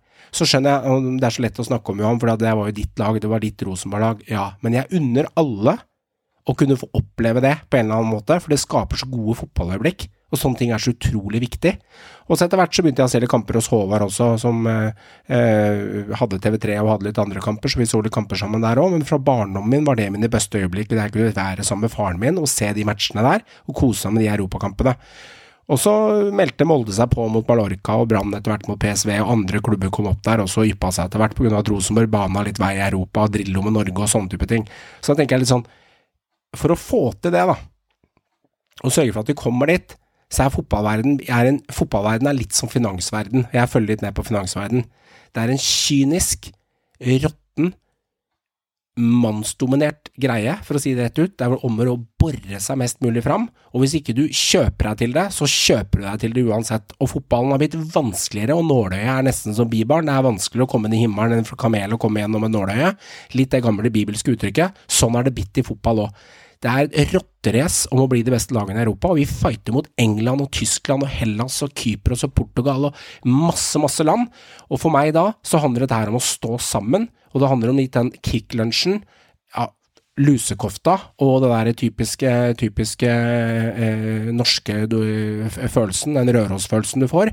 Det handler om det at her, om det er Molde eller Rosenborg eller Stabæk eller Godset eller Haugesund, det er ikke viktig akkurat nå. Selvfølgelig vil jeg at Rosenborg skal gjøre det bra, men nå er ikke dem gode nok i øyeblikket. Så for meg så heier jeg på Molde i Europa, jeg heier på Bodø-Glimt i Europa, jeg heier på Brann i Europa. Jeg unner absolutt at fansen der ute får følelsen og gleden av det. Og det eneste måten vi kan gjøre for å bli bedre, er å karre oss disse koeffisientpoengene sammen. Og det handler om sammen. For hvis ett lag skal gjøre det aleine, så blir det jævlig traulig å få det til. Så jeg syns det er synd hvis Molde ryker ut, hvis Glimt ryker ut, eller hvis Brann ryker ut. Jeg sitter ikke med drakt og er helt idiot. Jeg er avslappet, sitter med manga ipa eller et saftglass eller en pinneis, potetgull, koser meg, bamsemums, og ser fotball og koser meg, og når Molde scorer, så yes, der fikk vi den. Eller Brann scorer på en head, deilig, nå leder vi. Men jeg griner ikke. Livet mitt går ikke over, men at jeg koser meg med det når Norge, norske lag er i Europa, litt som landslagsfølelsen, det gjør jeg. Jeg synes det er deilig, og jeg synes det er utrolig viktig. Og den eneste måten vi kan få til på, er sammen. Hvis alle sitter på hver sin tue og tenker bare på sitt eget lag, så kommer vi ikke fram. For dette her er en maraton som varer i 10 000 meter i OL. Dette er ikke 100 meter sprint. Det må skje over tid. Gjentatte handlinger sammen over tid. Nils Arne Eggen, det er det det handler om. Dine tanker, Håvard? Nei, altså, jeg personlig også, fra oppveksten, så en av de sterkeste fotballøyeblikkene, det er nettopp disse europakveldene. Ja. Eh, og også med, med, Rosenborg, men også med, med Vålerenga mot Besiktas, ja, ja. John Carew. Brann mot PSV, eh, Brann mot Molde Fenerbahçe. Molde mot Mallorca, Molde mot Dynamo Moskva, Molde Real Madrid i gruppespill. Chelsea Viking. Altså, Chelsea Viking, ikke minst. Tromsø. Tromsø Chelsea! Den, var fett. Eh, altså, Stabæk, FCK. jeg, har, jeg har så mange gode minner med europafotball. Og det er litt sånn, vi har ikke noe landslag som kommer til sluttspill hvert år. Eller annethvert år. Eller noe år. Eller noe år, for den år. Men vi har norske klubber som representerer norsk fotball, og jeg er så glad i norsk fotball og bryr meg så om norsk fotball at når disse europakampene begynner, så glemmer jeg rivalisering der og da. Vi, som Eran sa veldig fint, vi har alltid Eliteserien hver helg. Da er den rivaliseringa på. Og vi sitter ikke og heier med Molde-drakt eller Rosenborg-drakt er eller den biten der. Men jeg, for norsk fotball sitt beste, så ønsker jeg at norske lag skal prestere best mulig Mm. når vi er der. Og jeg syns at det er Jeg ønsker at norsk fotball skal ta steg, skal ta steg som liga. eh, Med tanke på økonomi og tanke på å få flere lag ut i Europa. Og det kan også da dryppe på mitt lag, som det har gjort nå, Mm. med Brann. Mm. Ikke sant? Mm. Så, så poenget er at eh, jeg, av hele mitt norske fotballhjerte, så håper jeg at norske klubber gjør det bra. Og gjerne kall meg sofasupporter, den biten der. Det lever jeg fint med, men jeg storkoser meg med norsk europafotball. Eh, og det betyr ikke at jeg sitter og heier som en fan, men at jeg brenner for norsk fotball, og at vi skal gjøre det best mulig når vi har sjansen ute i Europa. Og eh, jeg vil absolutt ha flest mulig norske lag i et potensielt gruppespill, og det syns jeg rett og slett bare er noe som gir meg noe, da. Mm. Eh, som norsk eh, fotballelsker. Den følelsen, vet du, Meran, når du kommer inn til bestemora di med sånn 28 graders eh, varmt hus, tenner på peisen, bjørkeveden, den eh, spragler, og så kommer hun gående ut med saft og kaffe til faren min. Du skulle sett de wienerbrøda, hjemmelagde, skikkelig bestemor-wienerbrød. Håvard har jo smakt dem noen ganger også. Der var det snipp og kaker og fullrull, det var en egen stemning. Og eh, gangene Rosenborg scora, for de var jo ganske gode, Det skal, de skåra jo vant jo overraskende kamper, og Osma var bra i Europa. Liksom. Det var en av Europas fem, eh, fem, 15-20 beste lag en periode. De var jo sidet i Champions League en periode. Eh, og hun bare 'herregud, bedre', og dere bråker når det er skåringer her. Men hun koste seg gløgg i hjel, og det var en egen greie. Når bestemora mi til slutt sto på røyken, begynner liksom å stå og eh, juble på Rosenborg, liksom. Da, da, da, da begynte det å skje noe. Herlig, vet du. Det var en egen, ja, hun var 80-85 år, altså. Og, og, og bestemor, er- bestemor er med. Eh, Ja, ja. Og det som er, eh, er jo også noe å tenke på, det er jo det er mange som hevder at En del hevder det, som, eh, som er eh, fan av ulike norske lag, at, at disse pengene som de respektive klubbene får, f.eks. de store kanonene som Glimt og Molde og sånn og sånn, de, de ser ikke de andre klubbene noe til. Men det er jo direkte feil. Fordi vi har jo gode eksempler allerede i år, og det har Java Makwa i TV 2 også vært inne på, at mye drypper på resten. Og Jostein Flo han var gjest nå eh, i Fotballpunch og bekrefter jo dette her at han da som leder og sportsleder og som driver med spillelogistikk og økonomi og den biten der, eh, han håper jo at norske klubber gjør det bra i Europa. Fordi flere får muligheten, og så vil også pengene ofte bli igjen i norsk fotball med tanke på spillerkjøp. Og det har vi sett veldig mange eksempler på de siste årene. Prisene stiger til værs. Ja, de bruker noe av pengene ute, men mye ligger igjen i norsk fotball, så de kan utvikle seg videre. Og så skal vi også ta med, selv om det selvfølgelig ikke er voldsomt store summer, at hvis Molde potensielt går til et gruppespill, da får de bøtla oss med penger. Men det vil også være en, rundt en pott på 100 millioner som fordeles på resten. Så det er vel en, jeg tror det er sånn roughly 6-7 millioner på resten. Eh, og det er en fin, eh, fin liten sum å ta med seg det også, med tanke på at et annet lag har prestert. Så kan du selvfølgelig si at ja, de får en sinnssyk fordel. Ja, de får det. De får vanvittig mye penger. Men vi har også vist flere eksempler de siste årene at penger heller ikke betyr alt for prestasjon. Det er også mulig å komme seg opp dit. F.eks. Ref. Eh, Bodø-Glimt, den veien de har hatt, og også nå Tromsø. Og flere andre eksempler har Ta med. Viking òg. For for fem år siden så måtte de selge Bendro, for de var konk nesten Ja. til Rosenborg. Nå Så så er de forbi Rosenborg i hierarkiet. er et løp som ruller og går. Det er en synergi. Mm. Og jeg tror helt oppriktig at klubbledere, fansen, hardbarka fansen, håper ikke på andre lag. Men det tror jeg nok eh, veldig få gjør, faktisk. For Mm. det er en sånn allmenn greie nå eh, som, som sprer seg rundt. Det skal vi få lov å mene. på. Og det skal de få lov til å mene, av hele deres hjerte. Men jeg tror at mange av klubbledere rundt omkring håper nettopp på at norsk fotball kan komme seg opp og frem pga. at norske lag gjør det bra i Europa. Ja, og så vil jeg også skyte inn der når du snakker om penger, da, at eh, du er jo også litt korttenkt. da, når du, Hvis du utelukkende ser på altså, Ja, men spillere selges jo ut av landet. Ja, ja, men hvem er det du tror dunker opp prisen på de spillerne som går ut av landet? da? Altså, Vi hadde ikke solgt spillere ut av landet for 20-30 millioner nå, hadde det ikke vært for Bodø-Glimt. Helt riktig. Altså, så, så enkelt er det Og. Molde. Ikke Jeg vil vært ta Molde. Ja, men det er, det er Bodø-Glimt som virkelig dro i gang den der til prisen Ja, ja. på norske fotballspillere. Er. Og så kan, du- kan du blande litt inn det med det er et marked, ja, det, det- og det er også riktig. For all del, du skal ikke si deg blind på det heller. Eh, Det er også fordi at prisen på fotballspillere generelt i hele Europa har gått bananas. Naturligvis. Men allikevel, da. Men du får vært- øynene på norsk liga. ja, for du får øynene der, og man begynner å følge med. ja, ikke sant? Du nevner ikke sant, sånn som Nypa nå. Jeg tror ikke, jeg tror ikke engelske storklubber hadde giddet å egentlig overlagt to blikk en gang på han, hadde det ikke vært for uh, hva Bodø-Glimt har prestert ute i Europa de siste åra. Helt ærlig. så Ja, tror jeg... men jeg vil legge til Jeg er enig med Bodø-Glimt. Jeg er enig, men Ja, Du kan godt legge til Molde, men Nei, det handler ikke om Molde. Nei. Det handler litt om Braut og Martin Ødegaard òg.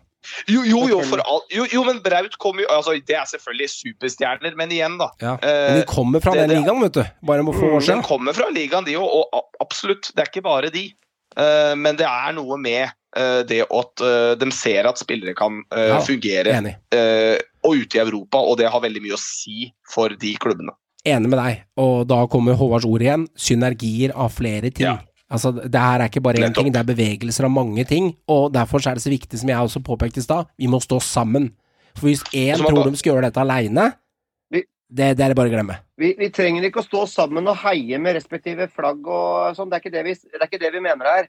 Og Nei. det er viktig å heie Men samle koeffisientpoeng sammen, men- det er men poenget. At vi, at vi, og dette er også blitt et sånn skjellsord, har jeg merka, som koeffisientsupporter. Da er vi litt koeffisientsupportere, da. Hvorfor være Da får vi, da, får vi, da får vi ta den. Men kos deg med hva Altså. Det lever jeg fint med. ass. For det lever jeg fint med, og jeg ønsker oppriktig norsk fotball det beste.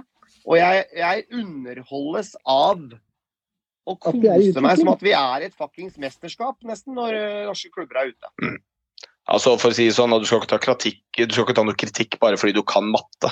Altså, det, det må være lov å ha litt mattekunnskaper uten å få kritikk på det for å være sofasupporter og koeffisientsupporter. Altså, det er bare fordi du skjønner basic matematikk, hvordan verden fungerer. Og jeg sier ikke det. Jeg er helt enig som du var inne på i stad. For all del, du kan mene akkurat hva du vil, da. og det er helt ok. Men jeg for min del, tilbake igjen litt til Johan og sånn. Jeg hadde en egentlig veldig streng barndom i den grad at jeg hadde veldig strenge leggetider. Ja. jeg, jeg fikk ikke lov til å være lenge oppe. Mm. Men det, det var unntak. Og de unntakene den starta fordi jeg var jo også fotballidiot fra jeg var fem år, selvfølgelig. Så, og det skjønte jo foreldrene mine. Mm. Og unntakene var Champions League. Når Rosenborg spilte? Da, da, ja, når Rosenborg spilte. Og etter hvert, da, og, og etter hvert selvfølgelig også. Altså, og, og United, for jeg var, jeg var både anglofil og norsk på den tiden. Jeg var begge laga.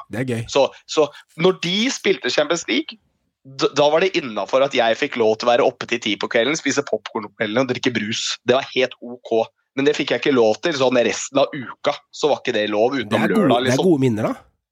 Det er kjempegode minner. Jeg sitter under, husker det, rulla til og med TV-en ut fra stua inn i en sånn gang. Så satt jeg og broren min under med et sånt teppe på oss under, under eh, trappa. Ja, Og satt der med popkorn og så på uh, Rosenborg slå Milan på San Siro, som er kanskje den, en av de første opplevelsene jeg husker fra det der. Det var en sånn ordentlig opplevelse.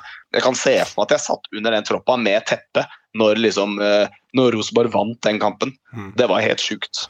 Jeg husker en gang vi Jeg mener det var portoen når vi slo, jeg. Det var bestemor. Vet du hvor mange wienerbrød? Sånn normale wienerbrød. Det ser ut som sånn skole... skole nei, nei, her kommer det? Skolebolle. Vet du hvor mange wienerbrød jeg, broren min og faren min tømte i løpet av en hel kveld? Etter at vi satt og så den kampen? Gi- gi- Give it a shot, Joakim. Klassisk bestemor-wienerbrød. Altså det som er poenget er at Jeg ville jo nesten vært mer imponert om du da sa null, fordi dere var Nei, så nei, så gira på Nei, nei, kampen at dere Nei, nei. ikke evna å spise. Nei, nei, vi var gira. Vi spiste av Ja, nervøsitet. do, do, dovna det tolv stykker, da. Nei, nei, nei. Vi spiste 28, vi tre. Det er imponerende. Vi kjørte beinet. Jeg husker bestemor min sa 'all verdens rike'. Dere har spist opp hele fryseren, sa Så gikk hun videre. Det var helt fantastisk. Ok, eh, en liten pool igjen, gutter. Eh, Utydelig spørreundersøkelse. Rett over til Brecallo, Joe Bell og Bendro. Litt vikingprat. Um, der kjørte jeg en, eh, et spørsmål her, og det var rett og slett Brecallo-salg i dette overgangsvinduet. Stopperekorden er 25 millioner kroner for Ogo Igbu, eh, Håvard, fra Lillestrøm og ut. Men hva skal eventuelt Viking gjøre i denne sammenhengen med Brekalo, Stilt for noen dager siden. Eh, 23 sier Nevland slå av mobilen, ikke aktuelt. 45 millioner bør selges ja, er 37% og 40% mener ja om summen er 60 pluss pluss. Så du kan si 77 er enige om at den skal selges, Håvard. De er bare litt uenige i hvor høyt han skal selges for. Så folk har litt fornuft der ute versus kvalitet versus pris, da.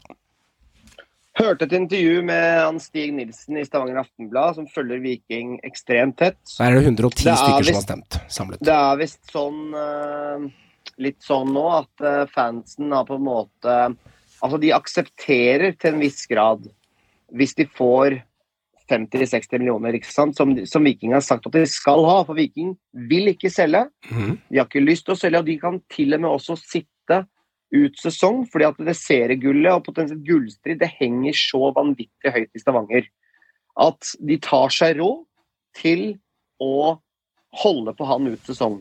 Men hvis det kommer et ellevilt bud på oppimot 60 millioner, så er det jo markedet som på mange måter har talt og bestemmer. Og hvis spilleren sjøl også da, som har vært så lojal over tid, vært perfekt i media den biten der, og som da utenlandsk spiller også, da kommer Viking til å selge han. Selv om Viking nesten låser døra, stenger internett og telefoner og alt som er, så kommer de til å selge denne spilleren hvis det rette budet kommer. Men de skal ha, som denne journalisten sa, 50-60 millioner, det skal de ha. Ellers er det uaktuelt. Og samme med Solbakken. Casen er jo der. Han har de tenkt å beholde sammen med Joe Bell, fordi Joe Bell skal spille indreløper. Mens Joe Bell skal fases inn, eventuelt etter sesong. Det som er ironisk, er at Solbakken er jo erstatter for nettopp Joe Bell, og når Joe, Joe Bell kommer tilbake fra Brøndby, nettopp Brøndby, og det tror jeg er en god signering av Viking. Mm. Men jeg tror at det er lettere for Viking nå å selge Solbakken hvis det rette budet kommer, naturlig nok, for du har fått tak i en spiller de, de vet hva de får, en spiller som har vært ute Så har de mista et par stykker òg, da. Danmark. De har mista noen også. De har mista Sandberg, de mista ja. Bjarnason. Mm. Men Så mulig poenget lettere nå, er ja. at, at de, de trenger en midtbanespiller, Mm. og Joe Bell tror jeg er perfekt inn. Han er et litt såret dyr nå, han trenger å bygge seg opp igjen. Eh, men jeg tror at det er aks mer akseptabelt for Viking naturlig nok nå å selge Solbakken. Men journalist som følger laget tett, bekrefter at de ønsker ikke å selge noen. For det gullet, potensielle gullet, det henger så høyt nå. De har lært av sine feil fra i fjor. Mm. Ja, og jeg er 100 stiller meg 100 bak Viking. Jeg syns det er en eh, helt fornuftig punkt, eh, altså helt fornuftig standpunkt å ta i den situasjonen de er. Fordi de jeg, vi, Det er absolutt ingen, eller jeg håper å si er nesten urealistisk på mange måter, at de skal havne i samme posisjon neste år eller året etter der igjen. I hvert fall hvis de nå selger av gårde eh, Brekalo og Solbakken. Eh, så, så er det enda vanskeligere, og da kan de havne utenfor den T-striden de er i nå. Og de, altså som jeg forstår i hvert fall de sliter jo ikke økonomisk i Stavanger. Det er ikke sånn Nei. at de har problemer økonomisk, de har det helt Det OK. Uh, og da tenker jeg at jeg mener også det samme. Behold dem. Men det er klart, selvfølgelig, altså får du 60 mil fra stopperen din, så, så kan du ikke si nei hvis han har lyst til å dra. Altså Det sier seg selv. Men igjen, da, tenk på et salg, da. Altså Herregud, altså. hva- Det, det er ingen som kommer til å tenke at Og det er ikke nødvendigvis utslagsgivende engang. De kan Spørsmålet nå er vel i forhold til i hvert fall Bercalo, så er vel problemet nå at det begynner jo å bli uhorvelig dårlig tid for dem til å få inn en erstatter. De har Som de da bør- igjen, men han er De har, han, er ikke, han er jo ikke like god, men Nei, det men han, han ble som beste i første matchen, da, Ja Langås. da. Ja, det er det. Og det, det er nok for å sikre at de på en måte ikke står helt barbeint tilbake Mm. Men eh, jeg stiller meg 100 bak. Jeg mener de gjør en eh, helt fornuftig vurdering med at de priser de spillerne så høyt nå. fordi jeg er helt enig. Jeg, jeg, jeg hadde håpet Godset hadde gjort akkurat det samme i samme situasjon. Mm. Altså Da går Jeg du for det syns- forbanna gullet. Jeg syns at faen meg Nevland viser baller, ass. Det skal han ha. Ja, det gjør han. Eh, og, og så må jeg pirke litt borti en ting. Jeg, er sånn, eh, det var liksom på 2025 avslått, og så kom det på 35-40, avslått mer han. Og så er vi på 40-45, avslått. Og nå begynner man å bli litt sånn stormannsgal og skal rive til seg alle damene på festen, ikke sant? Litt runde rubber over det. Og så begynner man å si at nå skal vi ha 60. Og jeg er enig, jeg skjønner bildet. Jeg er også enig i det. Jeg, støttet det forrige uke å si at det er første gang de kan hente ut noe stort noe siden 1991 med, med Lennartson der. Men det interessante er, og det, det skjer en gang i manns tid når du er vikingsupporter, det er ikke så ofte du vinner seriegull, og den kan gjøre det, selv om Bodø-Glimt er favoritter. Men hvor går linja her, Meran? Moromoto det begynner å bli sånn, for det er bare fem år tilbake. Et halvt tiår tilbake, og det er lite i historisk sammenheng i fotball. Fem år er lite, selv om det virker mye når vi eh, sier det på folkemunnen nå. Men ser du fem år tilbake, så, eh, så var Viking nesten konk. Måtte selge Bendro til 14-15 millioner, og solgte han han ikke, så var det nesten bare å legge på røret ned i oljebyen. Og fem år etterpå så kan vi sitte her og si nei til 45-50 millioner kroner for en spiller. Hvor går limiten da det begynner å bli så mye penger at dette, dette blir for dumt? Først og fremst all ære for å komme i den posisjonen hvor du har mulighet til å si nei til så mye penger òg. Enig. Eh, men så, så Hovedårsaken til at, til at Viking sier nei per nå, tror jeg, det har noe med at det er den eneste posisjonen de er veldig utsatt i, hvor de har ganske få spillere. Hadde dette vært eh, Solbakken, 45-50 mil, de hadde solgt på flekken. Det er overbevist om. Men Brekalo han er livsviktig bakover. De har ingen gode erstattere per nå. Eh, de har fått Langås inn, men det er tynt bak der. Ja, men du får jo penger til å erstatte faenskapet. Altså, han er, det er en er klassestopper, men du får jo et halvt statsbudsjett. Det er det, men nå er det dårlig tid. Og hvis han er innstilt på å bli ut sesong, og de kan vinne seriegull, ja, men da står prisen seg. Okay. Og da har de vunnet både seriegull, og du kan innkassere uten å tape en endeverdig i salgssum. Mm. Og det i seg selv er en høy verdi. Da. Så jeg skjønner at de tar gamblinga, men hadde de hatt fire stoppere nå, da tror jeg de hadde gjort det. Mm, mm, mm, mm. Jeg tror at de hadde hatt Stensnes skadefri, så hadde de solgt. Mm. Men det, men det har de ikke.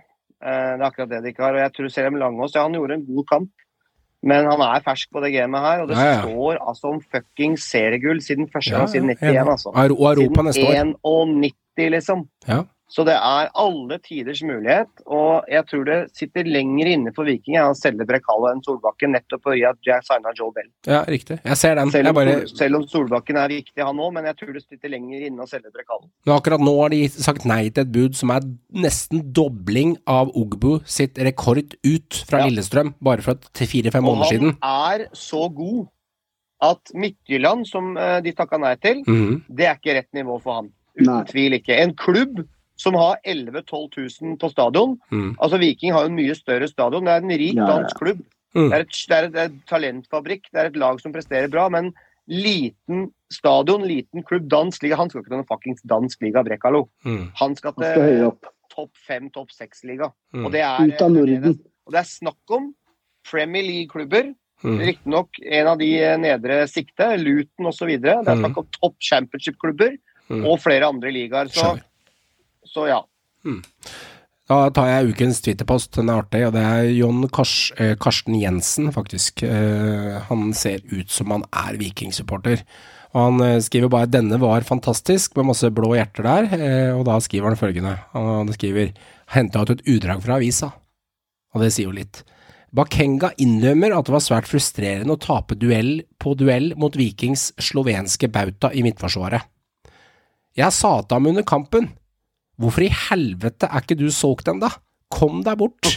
Og selvfølgelig er det han som scorer, sukker Bakenga til DV2 etter at frustrerende kvelden på SR Bank Arena, og da de tapte 1-0 på den sene skåringa der. Det er lættis. Jeg ser bare for meg det midt i kampen. Faen, hvorfor faen er du her ennå? Herregud, du er alt Hvorfor spiller du Hvorfor nå, spiller liksom? du her? Du er altfor god for dette her. Og se fra, se fra Brecallo, skjønner ikke helt hva han sier. Bare I don't know. Jeg skjønner. Det er utrolig artig. Det er bra, fin post. Og så har du Joe Billin der. Joe Bellin, eh, 10 millioner kroner. Ser ut som det kommer et avdrag på eh, 3,3 300 000 euro eh, i tre avdrag der, og det blir ca. 6,7 millioner danske, Håvard. Eh, Men overfører det til norske kroner, så er det estimert 9,5-10 millioner kroner som de betaler for Bell. Eh, Er det anvendte penger, med tanke på at de vet hva de får? Spilt 371 minutter i årets sesong i dansk liga, ergo han har så å si flappet kan vi vel si i Danmark. Kommer litt hjem igjen, den australske spilleren. Men de veit hva de får, men det koster litt. Ja, den newzealandske eh, spilleren, ja. Ja, New Zealand, beklager, ikke australske. Ja. Eh, ja, bare pirke litt der. Er. Eh, jeg, jeg, jeg mener det er, eh, det er en, eh, en bra hent. Du kan kanskje si at Viking er litt sånn lite fantasifulle når de, når de liksom henter både Vendro og, og Joe Bell tilbake. Men jeg mener at den sjansen må du på en måte ta når du har, når du har muligheten til å hente såpass kvalitetsspillere og, og Mm. kjemper om gull. Og Joe Bell han er ung spiller ennå. Han er ung, altså. Mm. Han er bare noen og 20 år. Og ja, han har ikke fått det til i Brøndby. Men at han kan komme tilbake og restarte og være vel så god, kanskje bedre når han kommer hjem igjen, det syns jeg er helt innafor. Helt innafor. Og, og jeg syns at det er, en, det er en solid og fornuftig signering av Viking. Mm. Når det gjelder, når det gjelder Bendro, så er det en X-faktor krydderspiller som du kan ha som en uh, troll i eske fra, fra sida, eller som kan konkurrere mot Sander Svendsen. Så jeg syns at begge de to signeringene der Det er ikke lenge siden Bendro var toppskårer i svensk fotball, altså. Nei, det. Så, så, så jeg syns at begge de to gutta inn syns jeg er fornuftig og kult av Viking. Eneste haken jeg har ved Bendro-overgangen, det er litt eh, dark shot, det er litt synsig teori over den her. Det er at eh, vi vet for det vet vi ikke hvor god han er akkurat nå. For det er en grunn til at han endrer i Norge og ikke i Kina eller andre klubber er interessert i. Så, eh, og at han ikke bekrefter for oss for en og en halv måned siden vi hadde han i pod, at eh, sannsynligvis endte ikke Bendro i Norge denne gangen. Men mye har skjedd på en og en halv måned, og det viste seg at han gjorde det. Han er en strålende fotballspiller. Jævlig irriterende å se på, husker han, men jeg elsker han også innerst inne i hjertet mitt pga. Ajax-kampen og det han gjorde i Rosenborg, så jeg er veldig glad i Samuel. Veldig fin fyr. Ehm, men det er én ting med han som kan være en liten ankepunkt, istedenfor liksom bare putte alle blomstene i taket og feire på at du har fått han til. Han, en, han er den spilleren som blir tatt mest når han spilte i Eliteserien i tre-fire år. Han blir alltid kakka ned, sørger for mye oppstopp i spillet. Så han, folk kommer til å være jævlig oppasse på han, det er nummer én. Og så er det en faktor til. Han stopper flyten i angrepene lite grann. Så hvis Viking har den typisk maskinflyten sin, der de ruller over motstandere og bare maler dem i stykker, han har en tendens til å stoppe litt opp. Han er en, litt vanskelig relasjonsspiller å forholde seg til versus de andre, hvis ikke han har bedret seg i spillet sitt. Det er ikke noe jeg vet noe om hvor god han har blitt på det, men det kan være Bendros lille bane, som kan faktisk være litt negativ for Viking spillemessig, på grunn av flyt, overgang til tripitch, spille spissen igjennom, disse typene har mangler litt blikk for spillet. Utenom det, så er han en magiker. Og det, det er for så vidt eh, et, et greit poeng, men jeg tror at han ikke nødvendigvis er sett på som en rein elverspiller. Nei, jeg ser er den. Jeg bare nevnte det som en en, og en X-faktor, fordi de har en, Ja de har en Sander Svendsen som fungerer bra på høyre kant. Det er snakk om å uppe gamet og uppe konkurransen og gi de flere strenger å spille på. Mm. Bare liksom se for deg at du har Tripic på venstre og Bendro på høyre, liksom. Og så har du Salvesen i midten eller Diagustina. Så du har faen meg dobbel dekning nå Ja foran på rekka der. Mm. Så det er eh, jeg, jeg, jeg mener at de er virkelig styrka, altså. Med Mhm. tanke på han inn og Sandberg ut, og så Bendro inn. Det mener jeg. Men du skjønte litt hva jeg tenkte med tanken Ja, jeg rundt skjønner det? hva du mener, men, men jeg, jeg tenker allikevel, når de har muligheten til å hente Ja en sånn publikumshelt tilbake, Ja når de kjemper om gull, så syns jeg det er litt kult at de tør å gønne du selger noen, du selger noen billetter på Samuel, altså. Ja, det gjør du, altså. Ok. Neste rundespådom, karer. Du vil Vi tar den, da. i. Forrige kamp så var det kun fire kamper. Eh, Det er Joakim som treffer med poeng på Rosenborg-seier.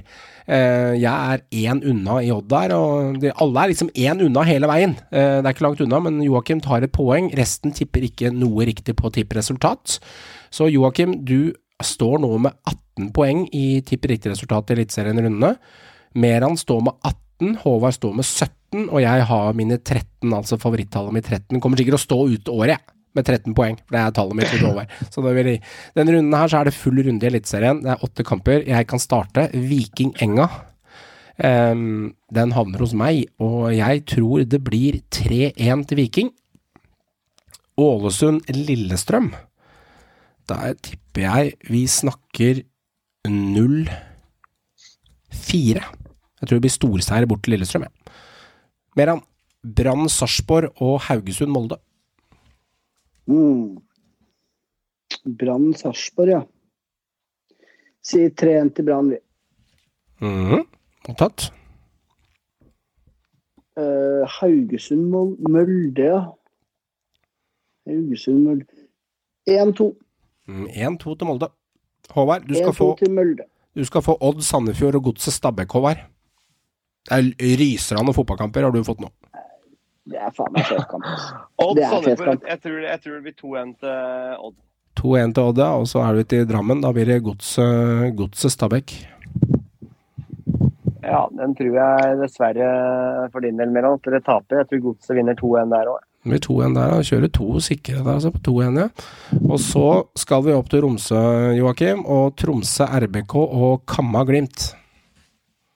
Åh, det er en som jeg føler er veldig enkel å tippe der, og så er det en som er veldig vanskelig. Sånn er det. Man får litt tilfeldig her, altså. Nå nå ble det mye 1-2-1 her, altså, men jeg lurer egentlig på om jeg har lyst til å gå den andre veien, faktisk. Jeg tror okay. Tromsø fortsetter den litt kjipe perioden. Jeg tror Rosenborg har funnet form, så jeg tror det ender 1-2 1-2, ja. i Tromsø. Og på Briskeby.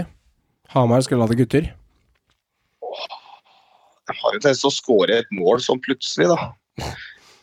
Eh, nei, jeg tror ah, Men Glimt safer den inn. Jeg, jeg tror Glimt vinner Jeg tror den ender 0-3. Ja, det er lenge siden jeg har sett sånn Tror Glimt tar det. 1-6 og sånne ting, sånn som Bodø-Glimt Ja.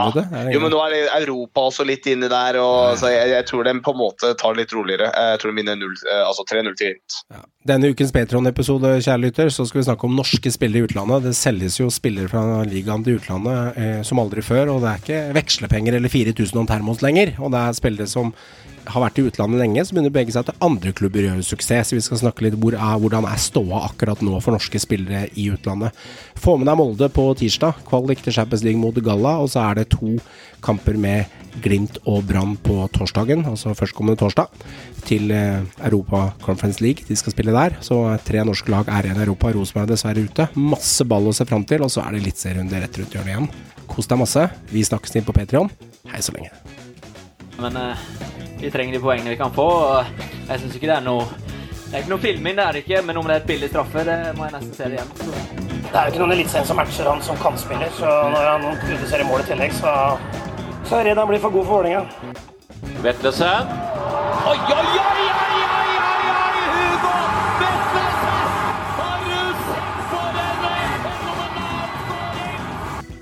Absolutt. Nei, altså jeg eh, kunne hatt eh, fem-seks mål i dag, jeg. Hvis jeg hadde vært litt mer eh, kald og effektiv foran boksen. Uh, much you say about it, there's 100% the penalty. You had a dialogue afterwards with uh, the referee. What did the referee? Say? They don't even listen.